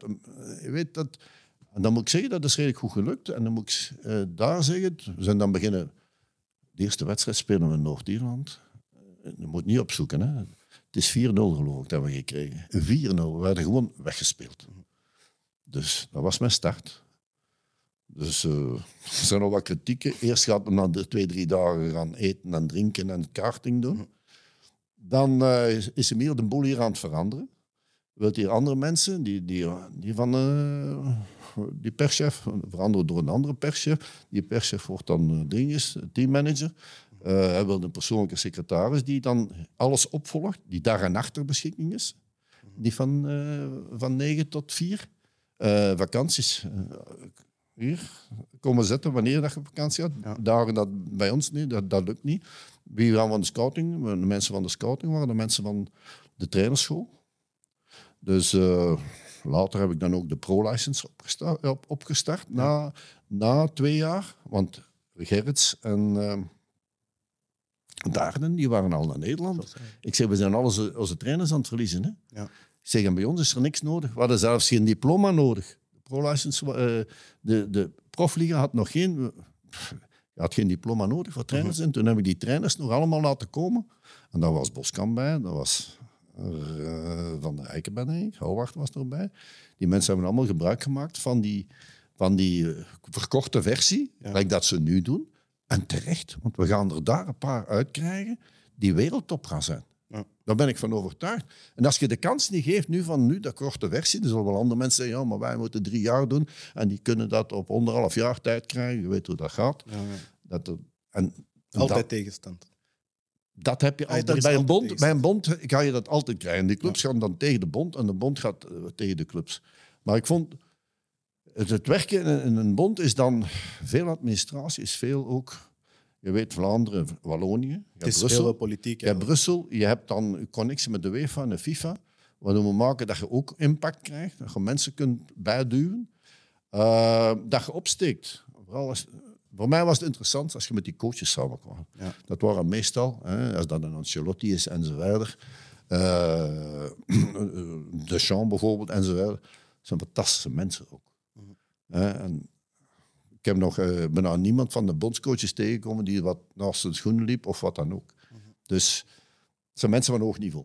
Ja. En eh, daar leer je bij. En hoe, gaan we het, hoe gaat het voetbal evolueren? Eh, wat, wat, wat, wat trekken we uit het WK? Hoe- Wat trekken we uit het EK? Wat zijn de conclusies? Wat zijn de voetbalconclusies? Naar waar gaat dat leiden? Ja. Hoe, hoe, hoe, hoe, denken jullie? hoe gaat uw land? Successtories, maar ook andere stories. Hè? Like dat we nu weten dat wat wij doen te veranderen. En geleidelijk aan hebben wij het geluk van een Wales te gaan winnen. Hè, met een eh, fantastische goal van Crasso, dacht ik. Ja. En uh, ja, en dan zo is dat begonnen en tegen Turkije. En we zijn in Turkije, ik denk de mooiste wedstrijd die we echt gespeeld hebben, dat was met een Penza Luis uh, Oliveira en voorin. Luis Oliveira die alles, ik denk dat Luis Oliveira drie doelpunten maakt en een Penza en een hele goede Schifo toen. Ja. Die dan nog heel uh, gezond, ook zijn, zijn heupen waren nog goed en zo verder. Maar die speelde dan en we speelden daar 1-3, dus hebben we daar gaan winnen. En wat dat juist Turkije 1-0 had gewonnen tegen Nederland. Ja. Je weet, in die tijd, en ik heb dat ook wat aangewakkerd, ik vond dat geweldig van de Nederlanders zo'n beetje, want die waren zo'n beetje hotijn ten opzichte van ons, wij, wij Belgen. Waren, en Ze hadden toen ook wel een sterren ensemble met de Overmars, Zeedorf. Uh, ik moet zeggen, wij zijn op de WK gaan spelen in 98, de eerste wedstrijd. Ik heb Kom je over... terug tegen Nederland uit? Weer tegen Nederland, natuurlijk. Want we hadden eigenlijk maar een punt minder als Nederland. Dat viel nog Ja. een- een enorm mee. We waren goed Je teruggekomen. hebt 12 op 15 gehad uiteindelijk in, Ja. uw, in uw kwalificatieperiode. Ja, maar toen gingen we naar het WK en ik had dat al eens zwaar voorbereid. Was maar één- Daarom, je moet altijd ook een beetje negatief zijn ten opzichte van jezelf. hè. Ik heb dan alles ook zelf naar het WK toe, alles zelf georganiseerd en zelf gereden en zelf georganiseerd. Gaan kijken samen met Eddie Snelders voor, eh, ja, alles was, in Lyon te gaan ja, zitten. maar alles is bezet. Want we hadden nooit verwacht dat we gingen gekwalificeerd zijn. Dus in Brazilië was ik al het jaar voordien al geweest. Ja. Kwalificeren of niet kwalificeren. Ik zei, nu gaan we die opties overal ook gaan nemen. Hè. Ja. Dat is gedaan. Ik had op Polen-Oekraïne, het DK, eh, was ik ook al eh, gaan kijken. Dus je moet op voorhand gaan kijken. Als er niks, ja, dan moesten wij keuzes gemaakt in een hotel. Ja, dat, dat, dat Beste is bezet. gaan Dat is bezet, dat is bezet, ja. En een keer in Knokken hebben we dan eh, twee weken voorbereiding. En, Ja. Een week in Knokken en dan een week in Brussel en dan zo verder. Moest je oplossingen zoeken met de oplossingen die er op die manier financieel zijn. En dat is ne- negatief punt, is dat we al die vriendschappelijke wedstrijden veel te goed waren. Er werd enorm goed gevochten en hard gewerkt en een enorme ambiance. Ik zeg, eh, straks komen de grote wedstrijden. Het is eigenlijk een voorbereiding tot die, eh, tot die eerste, eerste Ja. wedstrijden. En proberen ons te kwalificeren voor de eerste ronde. Ehm, want we dachten, nee, ja, Nederland dat zal wel iets te sterk zijn. Die waren ook sterker als wij. Als je ziet wie dat er, wie dat er toen in dat elftal stond. Van de Sar, denk ik, er erin staan. Kluivert, Bergkamp. Ja, Kluiver krijgt dan gelukkig nog rood tegen Stalens. Die kutbelg. En die zei, ja, jij weet wel wat van, eh, van, van die zaken natuurlijk. en zo...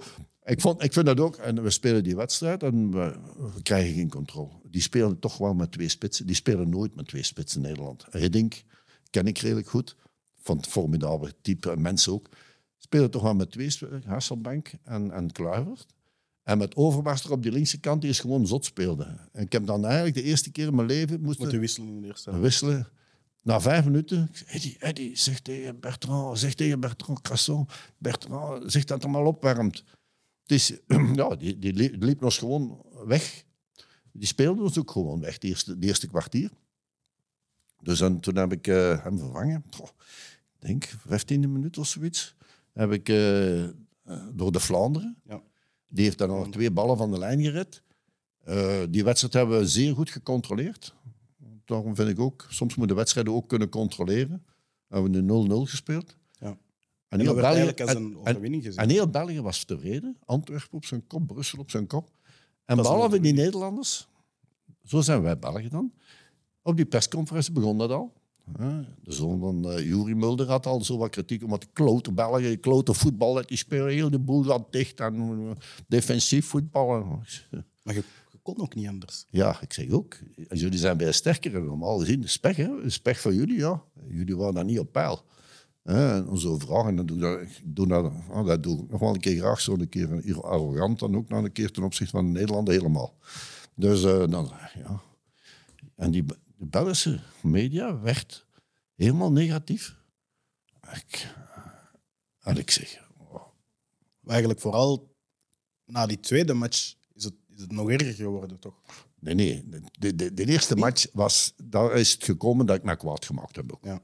Was er een met een stomme vraag en ik heb een stomme antwoord gegeven ook. Ja. Het is niet omdat het een stomme vraag is, dan moet jij slim genoeg zijn. Want daar, en de- ik ben erop ingegaan. Ja. En ik heb dat een keer gezegd, dat zullen we wel een keer zien. Ja. Ik zeg, want die, die ploeg is twee keer zo goed als Donze. Ik zeg, maar mijn spelers hebben het fantastisch gedaan. Die hebben uitgevoerd wat ik gevraagd heb. Ik zeg, en als je iets moet belasten, ben ik het. ik kreeg er natuurlijk van. Dus we gaan in, in Bordeaux spelen. Ja. En, Tegen maar kwaad was geschied. Het virus zat met de media en, en ik wou wat kost wat kost die controle houden over alles. Hetgeen Dat ik beter, beter zou uitgeven op de mensen rondom mij. Eh, eh, die, die snel zijn dat dikwijls gezegd, later ook. Eh, je deed ook alles, dag en nacht was je, was je bezig.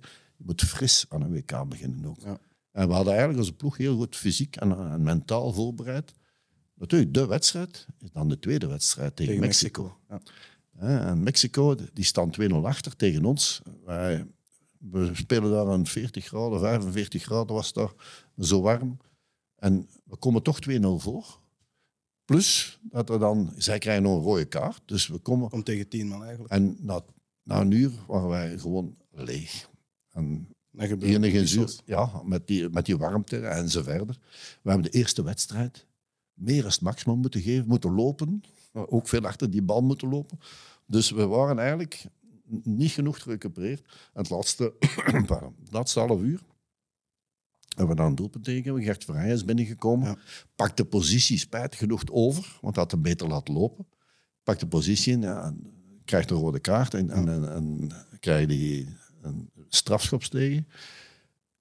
Maar dat wil nog niet zeggen, we waren fysiek En ook mentaal al, al een beetje. Omdat we die Had je bij die doelpunt tegen- 2-1 al in, in die rode kaart al niet het gevoel Aan die van- 2-0 aan die 2-0 was er niks aan de hand. Nee. En Gertje gaat natuurlijk, voor de Vlaanderen die uit zijn positie was gelopen, gaat die, gaat die positie afdekken. Mhm. Fantastisch dat de spits dat wil doen. Nu moeten ze dat allemaal doen. Nu moet je die beweging. Vroeger, vroeger de aanvaller moest niet mee. Hè. Die moest niet mee hè. druk gaan zetten. Druk zetten. Ja, maar als je nu kijkt naar zelfs nu Vincent Janssen, hoe dat die zijn werk uitvoert. Maar Vincent Janssens is wel de sleutel tot succes van Antwerpen. Hè. Hij gaat nog een tweede spits gehad. In Antwerpen die, die is, nu is nu wel weg naar Schalke. Maar die werkte ook zich de tyfus voor de ander beter te maken. Hè. De infiltrerende spelers en de spelers die in de ruimte gaan. Ja, die maken dus. En zo hadden wij met een Wilmot dat ook. Hè. Ik had dan Enzo laten terugkomen.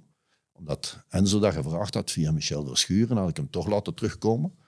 Omdat ik zei, Enzo, ik denk dat jij geen man zet er op de bank te zitten. Ik weet, ik ken u toch. Bent Siciliaans en hè, er zitten wat problemen. Ik zeg, één match ga, kun je gaan spelen. Je gaat misschien denk ik ook nog wel de wedstrijd tegen Mexico speelde hij goed.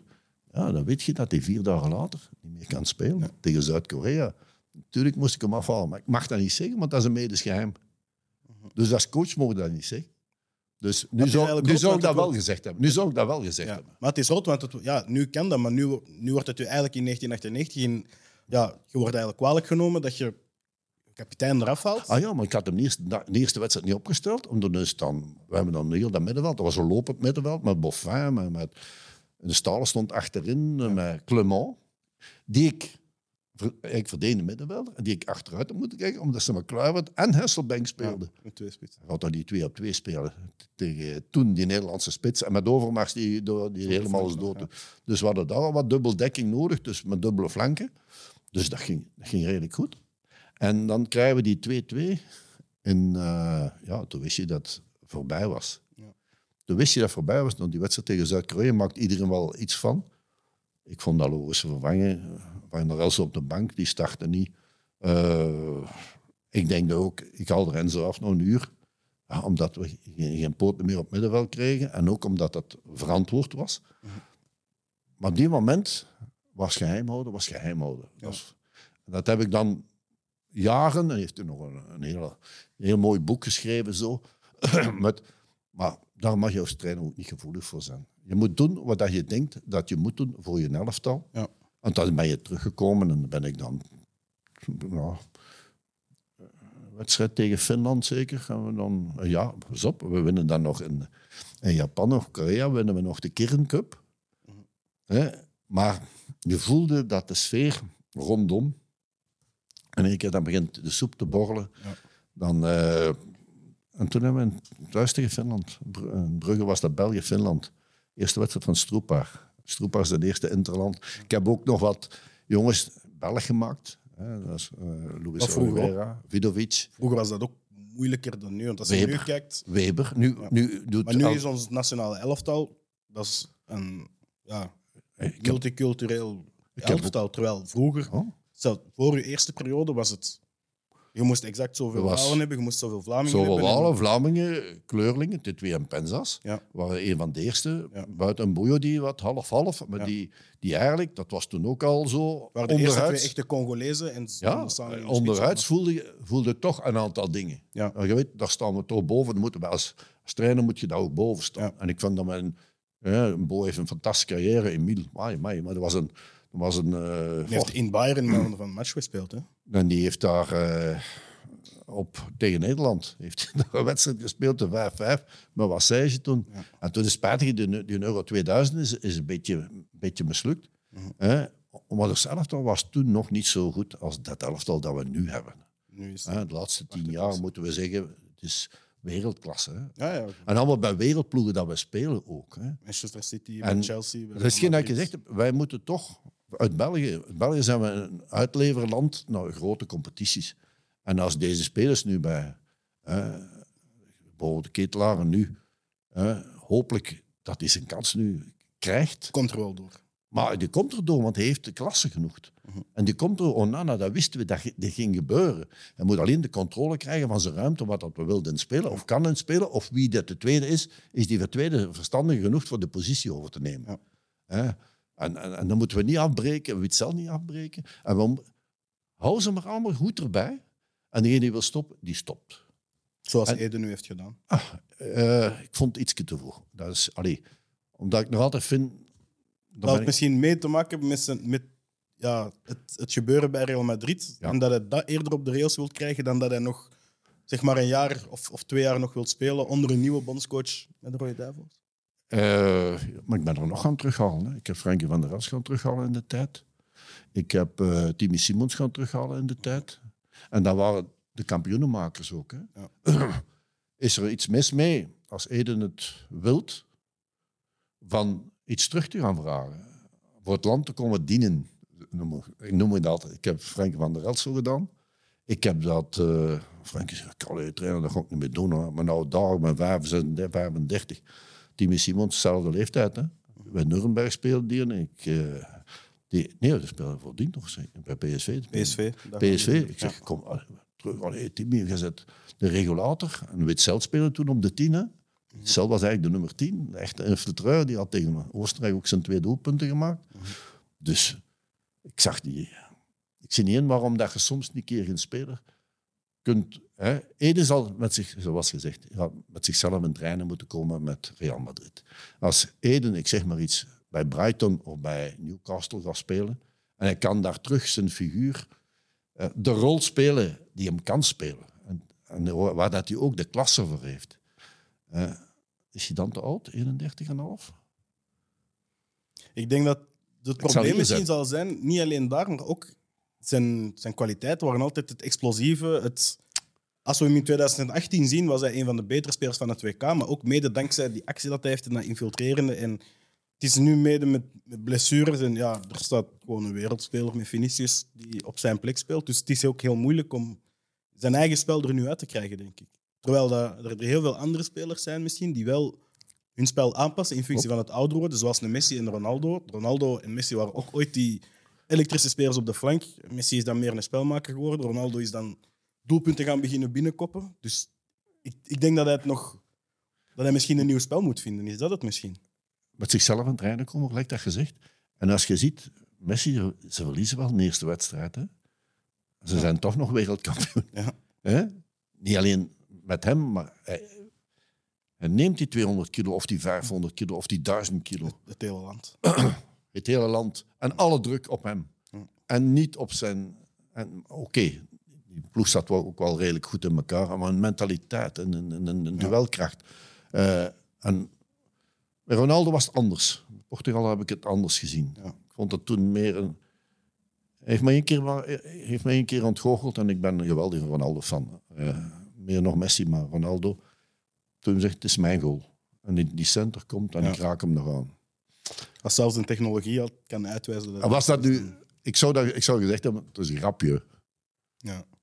Maar het was geen grapje. Iets, te iets te trots om. Ja. En je mag trots zijn, je moet trots zijn. In het leven mag je trots zijn als je iets verwezenlijkt. En eh, hij heeft iets verwezenlijkt. hè. Hij is- Alles gewoon wat er te winnen heeft alles te winnen. Maar die hebben nog een goede ploeg, hè, Portugal.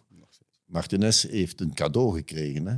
Want eh, België heeft hij echt goed op de rails gezet. Hè? Dat moeten we durven zeggen.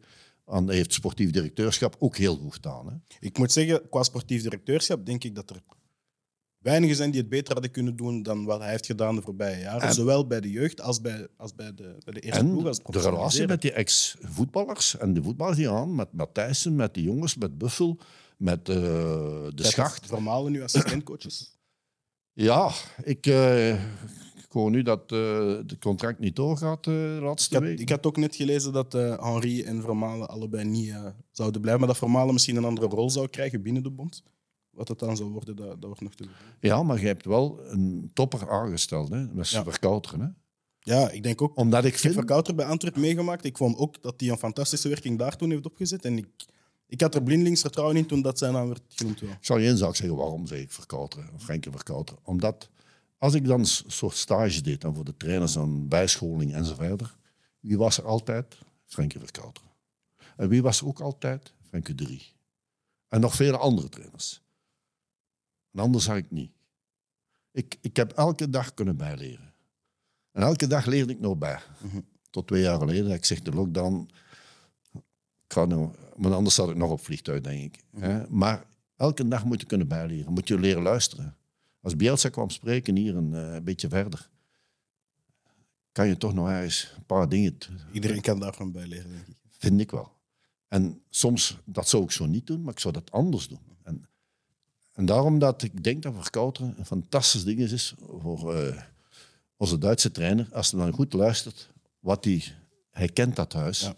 Hij kent het voetbal en hij is slim.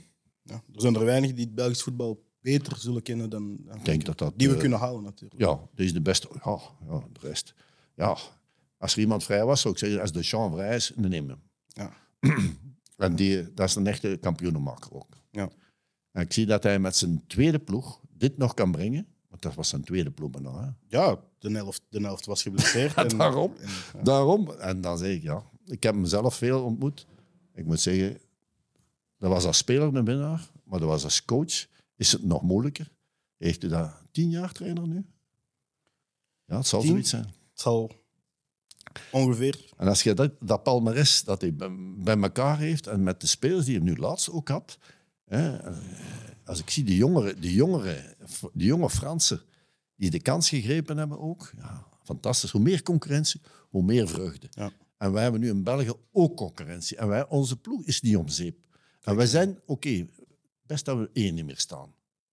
We Is moeten dat een beetje een vloek geweest, denk ik? Ja, ik denk dat we er ook een klein beetje. Zo een beetje.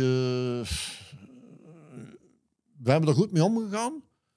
En toen hebben we dat te veel ook benadrukt nog. We hebben toch dikwijls. Ja, We hebben dat te veel als een trofee bijna behandeld. ja, en we hebben geen trofee.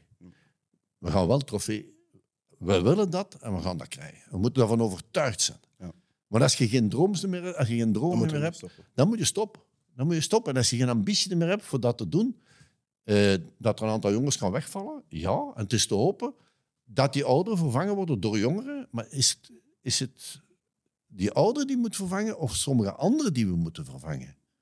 Ja. Dat is een doordenkertje natuurlijk. Van de wil tot winnen moet bij iedereen even groot zijn. En Ja. iedereen heeft zijn rol daarin te spelen in functie van niet het systeem. Het systeem is niet erg. Is dat nu een 3-4-3, zoals we meestal gespeeld hebben? Mag- dat mag een 3-5-2 zijn. Met iemand dat juist in die rol als passeur. En die passeurs moeten tegenwoordig ook al een rol spelen. En hoe, waar gaan we de druk gaan geven en hoe hoog gaan we de druk gaan geven? is natuurlijk je huis, je rondvesten. Altijd maar cadeaus geven is. En er zijn sommige clubs waar dat ook gebeurt.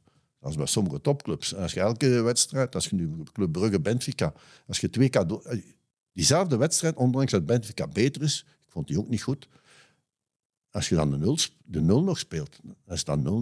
En gaat er naar ginds, met de ruimtes die je gaat krijgen, Je kunt nog iets... dan heb je nu je hebt de 0-2 aan en, en, en nu wordt het moeilijk. En ook, dat is achterin met een nationale ploeg hetzelfde. Als we dan dat doelpunt tegenkrijgen, tegen Marokko zeker was het, nee, die vrijschop. Ja. De eerste wordt je. afgekeurd, maar in die eerste zone moet die bal eruit. Het gebeurt terug. Ja. En één keer kan, maar die tweede keer passeert hij weer. En dan krijgen we dat, dat doelpunt dus tegen. Dat heeft niks te maken met Courtois, heeft te maken met die eerste zone. Dat daar die man zijn verantwoordelijkheid moet dragen. Die bal moet weg. En die doet, ah, daar, dan maak ik mij dan nerveus in, zo'n kleine details. Maar details maken het verschil op topniveau. En, en met spelers, je hebt niet zoveel de tijd. Alle dingen die je doorgeeft van je nationale ploeg, die zijn straks terug weg. Je hebt een match, je hebt twee wedstrijden. En dan stapt die de vlieger in en die moet dan met zijn zaak bij. Dat zeg ik ook al. Focus je nu op je, op je, op je elftal. Het daar? En daarom de connectie met de coach. Van, van, is dat nu Chelsea of is dat Manchester of wat dan ook? Die moet er zijn. Ja. Die moet er zijn. En dan uw medische staf. Ook uw, uw doelman-trainer. Die moet constant moeten die mannen in, in connectie zitten. En die moeten opvolgen. En dat jij ook je info doorgeeft. Ja. Het is niet van één kant komen. En jij geeft niks. Wat hebben jullie gedaan? Wat heeft u nu gedaan? Ja. Zend door. Ik moet zeggen, als ik je zo bezig hoor, zou ik niet zeggen dat het gedaan is in het voetbal. Kriebelt het nog? Nee, ik, Of geniet u meer ik- passief van Ik, eh, het kriebelt en het, ik geniet tegelijkertijd. Ik, het kriebelt mij enorm als Wouter Franke in het verleden, verleden jaar. heeft me uitgenodigd op de wedstrijd. De voer was er ook in de omgeving. Eh, ik zal er straks nog een anekdote van zeggen. En Wouter heeft de juiste beslissing genomen in plaats van niet naar Engeland te gaan.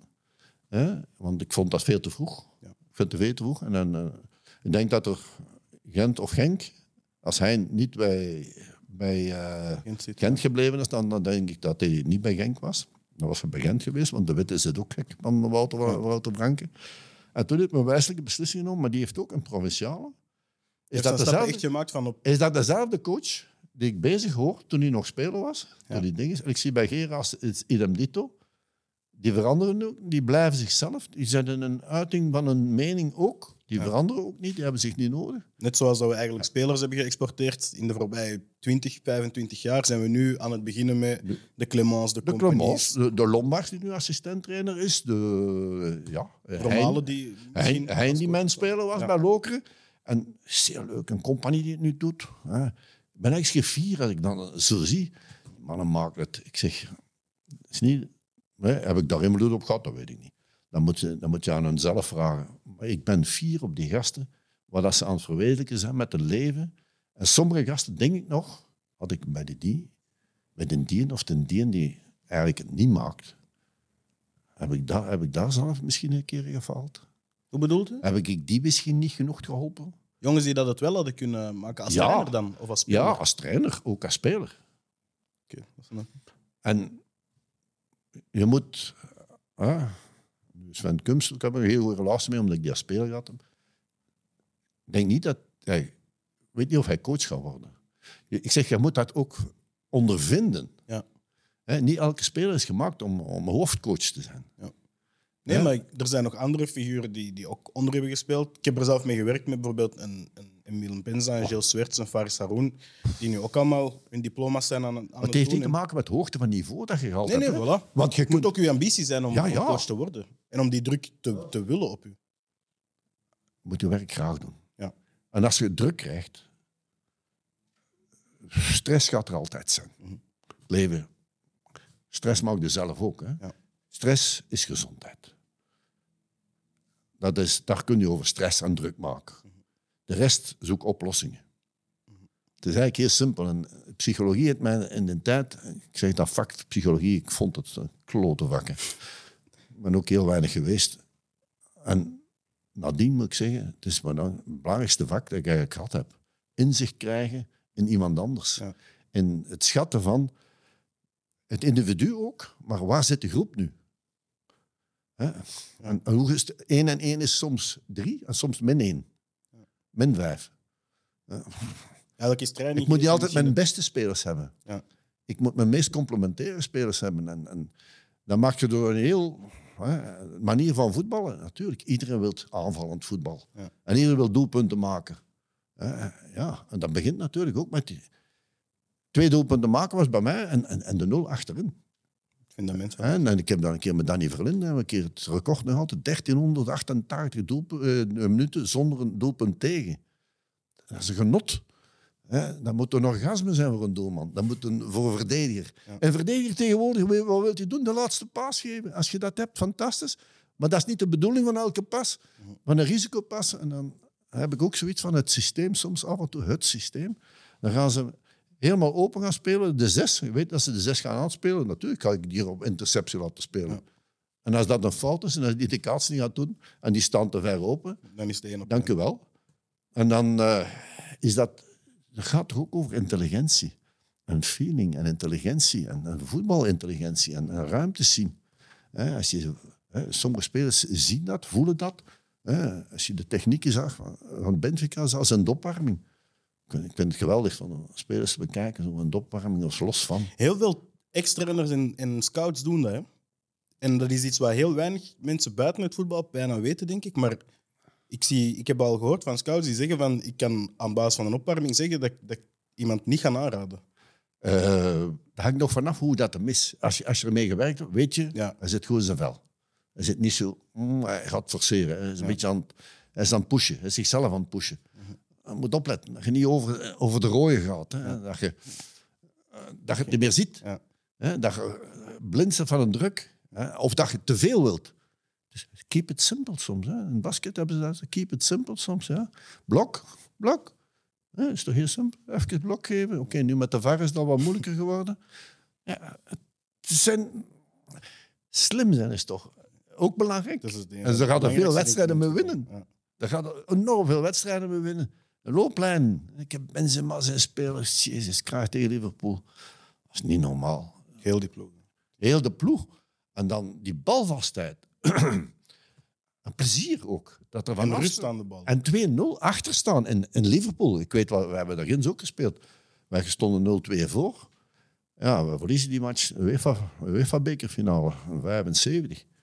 Nou, die kop begint en, up. en als er eentje onderuit gaat, dan krijgen we een penalty tegen die geen penalty is. Oké, En dat wordt 3-2. En thuis maken onmiddellijk 1-0.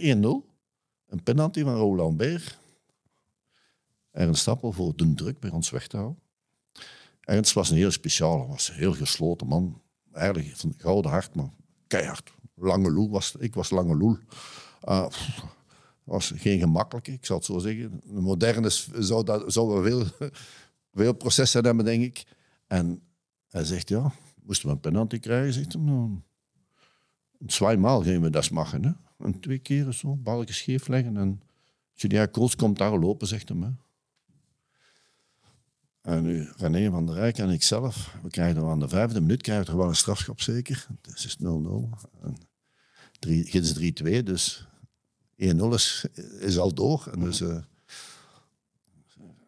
waar maar twee naar Raoul, als je die bal er durft verkeerd leggen, hè, denk dat wij zelfs Kools ge- geblokkeerd hebben. Wij zelf, Kools geblokkeerd hebben. Julien, gaan niet lopen, hè. hij gaat hem schieten. Hè. Recht, recht in de winkel. Dus Appel, en, en eigenlijk, nadien was dat, we ook wel dat we dat niet gingen doen. Hè. Het was gewoon de- te destresseren en je gaat een penalty krijgen. Straf? Psychologische vorming, maar ik ken hem vreselijk goed. Hij is spijtig nog heel vroeg gestorven al, 63 zeker. Eh, maar het was een totaal andere figuur. Het was heel gesloten. Die een nieuwe coach moet toegankelijk zijn. Ik. Heel de staf moet toegankelijk Dat zijn. is een beetje de rode draad eigenlijk door in je trainerscarrière toch. Hetgeen wat je als student hebt meegekregen, zowel filosofie als modern Student. zijn, als, als kinesie. Alles wat je hebt meegekregen, heb je in je carrière drinken. gebruikt, toch? En pintjes drinken nog. En En ambiance, en ambiance creëren. En ook weten, ja, kijk, alles is controleerbaar nu. Alles is controleerbaar. Moet dat? Nee. Ik heb vertrouwen in u. Ja. En, en, en- en zo, zo zit het leven in elkaar. Is vertrouwen krijgen, vertrouwen geven. En een coach die te veel ook met zichzelf bezig is, is niet goed bezig. Die gaat zich eh, ook... En die moet een staf hebben die hem af en toe ook hey, wakker maakt. Hey. Ja, ik heb... eh, een keer een ding gespeeld met Egypte tegen Tunesië. En Tunesië die had een systeem van voetballen. Dus we speelden altijd een 3 3-4-3 eigenlijk. Of 3 3-5-2 soms. Maar 3-4-3 was het meestal. Eén diepe spits, twee die opkomen. Een beetje gelijk nationaal ploeg in België spelen. Maar de lat, ik- kijk nog wel wat beelden en zo. Ik ken het al. Eigenlijk is dat allemaal voorbereid. En dat heb ik s'nachts beslist. Ja, ik overleg met mijn staf. Ik zeg, we gaan dat niet doen. We gaan met twee spitsen spelen, helemaal op de buitenkant. Met geen diepe man. We gaan onze Chi- Chi- Chicago, die gaan we die een beetje laten terugspelen. En we gaan die mannen gewoon laten doen. En die mannen spelen met drie achterin, die wisten niet wat gedaan. Dus die moment hebben we tegen Egypte, tegen Egypte was dat. En dat was met Salah al. En hebben we die wedstrijd gewonnen met 0-1. En we tactisch onvoorstelbaar. Ik ga die straks terug bekijken. En een lijn, een lijn, dus op het middenveld, dat we alles, alle ballen recupereerden. En zij kregen hun spel niet. Ja, was maar één probleem, was ja, Salah tegen, daar tegenaan. En daar hadden we een dubbel, beetje een dubbele dekking op voorzien. Maar slimheid, leepheid, hè, dat zal altijd blijven bestaan. En snelheid van uitvoering natuurlijk. Nu wordt, ja, conditie moet al onvoorstelbaar top zijn. Je moet al offensief, vroeger moesten ze dikwijls alleen maar offensief denken of alleen maar verdedigen denken. moeten beide. Nu moet je beide kunnen. Eh, een doelman moet al mee, heel goed kunnen meevoetballen. Dat was in de Ajax-periode ook al, vond ik. Een inschuivende middenvelder en zo verder. En, en de libero en zo verder. Eigenlijk is niet veel veranderd. hè. Is dat nu een 5-4-1 of is dat een 3-5-2? Ligt eraan welk systeem je is. invult. eh, eh, welk is het beste? Hoe, hoe krijg ik het be- beste rendement uit mijn groep? Ja. En dan gaat er iemand met, een beetje moeten inleveren voor de andere, voor die groep sterker te maken. Inleveren misschien, of hoe kan ik iedereen maximum gebruiken? Maar het is eh, een fantastische job, deze jonge gasten zien evolueren en, en eh, volwassen te worden. Want ik had, allee, in 2010 had ik een hele jonge groep.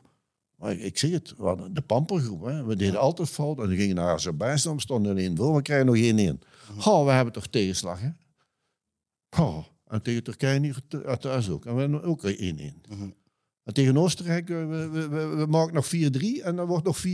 Ja. Oh, we hebben toch tegenslag. Zeven, hè?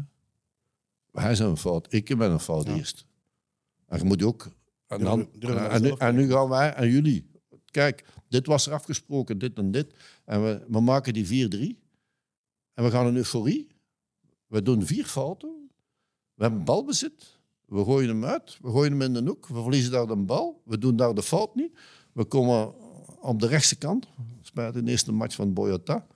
Die was er re- op rechts ingevallen. En, en in die ruimte waren vier fouten op, op 12 seconden. Ja, 10, 12 seconden. Dus dat kan niet. Ja. En, en dan maak je die professionele fout, dan pak je die gele kaart. Ja, Dan pak je die gele kaart erbij. En dan, dan zie je de sommige ploegen dat heel goed doet. Cercle doet dat, heel goed. Tegenstander niet meer in het spel laten komen. Ja. Bam, bam, bam. Het is moeilijk voetballen. Ja, je weet dat het moeilijk voetballen is. Hè. Je moet daar niet om, om blijten. Hè.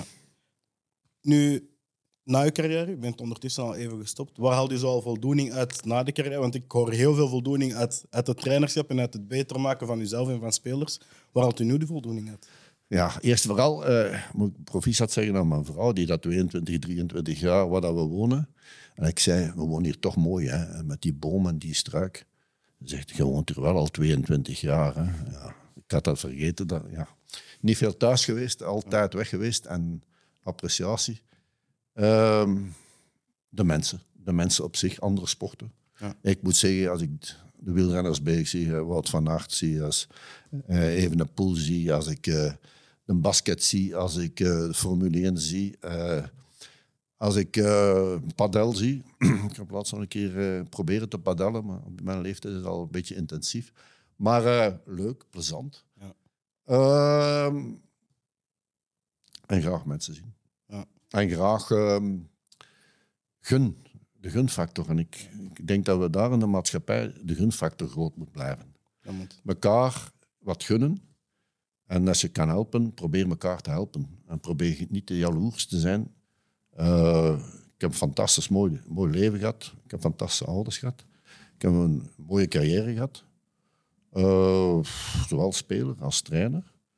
Er zijn er weinig die kunnen zeggen, ik heb tot mijn 71 trainer geweest. Dat is inderdaad een eh, En mooie ik zou het ook aanraden, eh, schakel sneller over naar een andere functie Hoezo? omdat je, dat ik denk dat je dus op het einde, dus ik ben dan in Iran geweest, hè, dat was een tractor, dat was al, hè, met de toestanden die er toen waren, de politieke toestanden die er toen waren ook al, hè, en, dat was niet zo eenvoudig. Maar je hebt er wel voor gekozen, dan moet je er ook vol voor gaan. Ja. Toen de voorzitter op een bepaald moment tegen mij zei, die doelman eh eh, maakte een foutje, we hadden twee maanden, we stonden al tweede of, of eerste zelf bijna. En hij gooit er die gewoon uit. Ja, dan, ken- dan ken je mijn karakter, dan, eh, dan duurt het niet lang. Hè. Ondanks dat je een contract hebt van twee jaar of twee jaar en een half, dan, dan vertrek je. Dan moet je kunnen vertrekken ook nog. Dus, eh, maar eh, het is ook een zeer mooi land. Mooie mensen, echt waar. En heel hoog educatief, echt top. Dus ik denk dat we een verkeerd beeld hebben. Hè. De druk van bovenuit en de druk van Amerika was ook zo groot. Maar de mensen op zich was een heel leuke, er, hele leuke ervaring. Dus bij mij, ik kijk meestal toch naar de mensen. Naar waar, heb ik, waar heb ik overal gezeten? Ik heb me echt... Het was niet altijd makkelijk. Hè? Ik, ben ook niet, ik denk ook niet dat je de gemakkelijkste mens kunt zijn naar jezelf toe. Je moet ook wat, wat eisen stellen op jezelf. En, en, en ik heb gelukkig geweldige gezondheid gehad. Ik eh, recupereer enorm, enorm goed. Ik heb ook heel weinig blessures gehad. Eh, dat, gezondheid moet je wat geluk hebben. Ja. En dat, eh, ook het stappenplan. En dat heb ik tegen de spelers ook toen gezegd. Je moet je goede keuzes maken welke clubs dat je kiest. En ja, nu natuurlijk, je kiest voor een bepaalde coach soms. En dan na drie, drie, maanden tijd is die coach natuurlijk eh, is die, is die al, is die al weg. Eh, In België gebeurt dat zeer rap. En spijtig genoeg.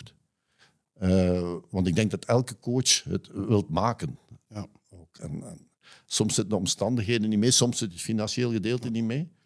In elke het gaat over competitie moet er kwaliteit. ook iemand laatste worden. Hè. Zo, in elke competitie moet er ook iemand laatste worden. Hè. En iedereen zal wel zijn best doen. Maar En nu natuurlijk de druk van de drie laatste, nu Ja. in de Belgische competitie. Hè, maar dat is overal in elke competitie zo Ja. een beetje. Hè. Als je ziet in Engeland daar, die, die die dan drie toch nog een paar ver- verrassingen zijn. Hè. In België denk ik dat er wat het leed geschied is. Ja. Maar ja, straks krijgen we nog die play-offs. Hè. En je ziet toch, hè, als ik zie de Genk, dan toch hoeveel basisspelers dat zij hebben, hebben laten gaan. En toch heeft Wouter Franke die altijd die mentaliteit van een ander komt erin en die, die, die gaat wel zijn best doen en die, die- ik geloof in, in, in- de spelers. Hij kon ook beginnen klagen en wenen en weer een speler weg en Ito weg en ding is weg, en en en Dessers weg en eh Torst werd weg. En Ooyen geblesseerd. Ja. Eh, En dan denk ik ook dat we straks nog misschien een vergeten hebben. Want Heinen, dat is misschien nog zo'n figuur die iedereen wat niet gezien heeft, nog niet. Maar die er wel functioneel, heel functioneel speelt in functie van die eh, ook een keer aan denken. Is dat, want er zijn nog spelers geweest die niet zo bekend waren. Die dan na in een latere carrière, Yveske van der Hagen geloof ik, hè, eh, fantastische jongen, hè, die heb ik de eerste keer meegepakt naar Tokio. Naar de Kirin Cup die ik daar, die in, in, in dat jaar. Nog altijd dankbaar voor de eerste interland die mocht spelen.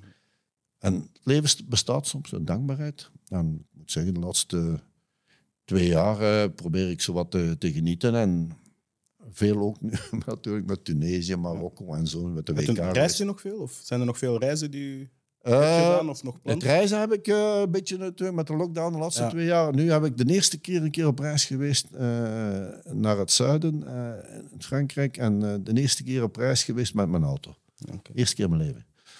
Dus eh dat is er nooit van gekomen. Eh, bij mij was dat ook zo. Ik, ik vloog in. Mijn vrouw vloog in, samen vakantie en dan weer. Hè. Ja, er zijn ook natuurlijk. Je moet ook veel opofferingen doen. Nou, dat weet je. En dan moet je in functie, allee, je weet, als je gezin en in functie van, van jezelf, dan eh, moet je ook. Ja. En dat, ik, heb, ik heb eigenlijk geweldig, geweldige tijd gehad. En nu het opvolgen van, van ook die andere sporten. Hè. Ja. Je kunt zoveel constant bijleren. Hè. Goed als was mijn peetvader, zo'n beetje. En allee, ik moet zeggen, ik had hem ook aangesteld in de pro-license samen met Guy Thijs voor eh, beoordeling van. Maar ja, het was meer voor het samen zijn en ook en voor een raad, een raad van bestuur te hebben die van, van hoog niveau. Daar was hij in. Dat was. eh, ehm, ja, ik zelf zat erin. Maar een stuk of vier zaten we daarin.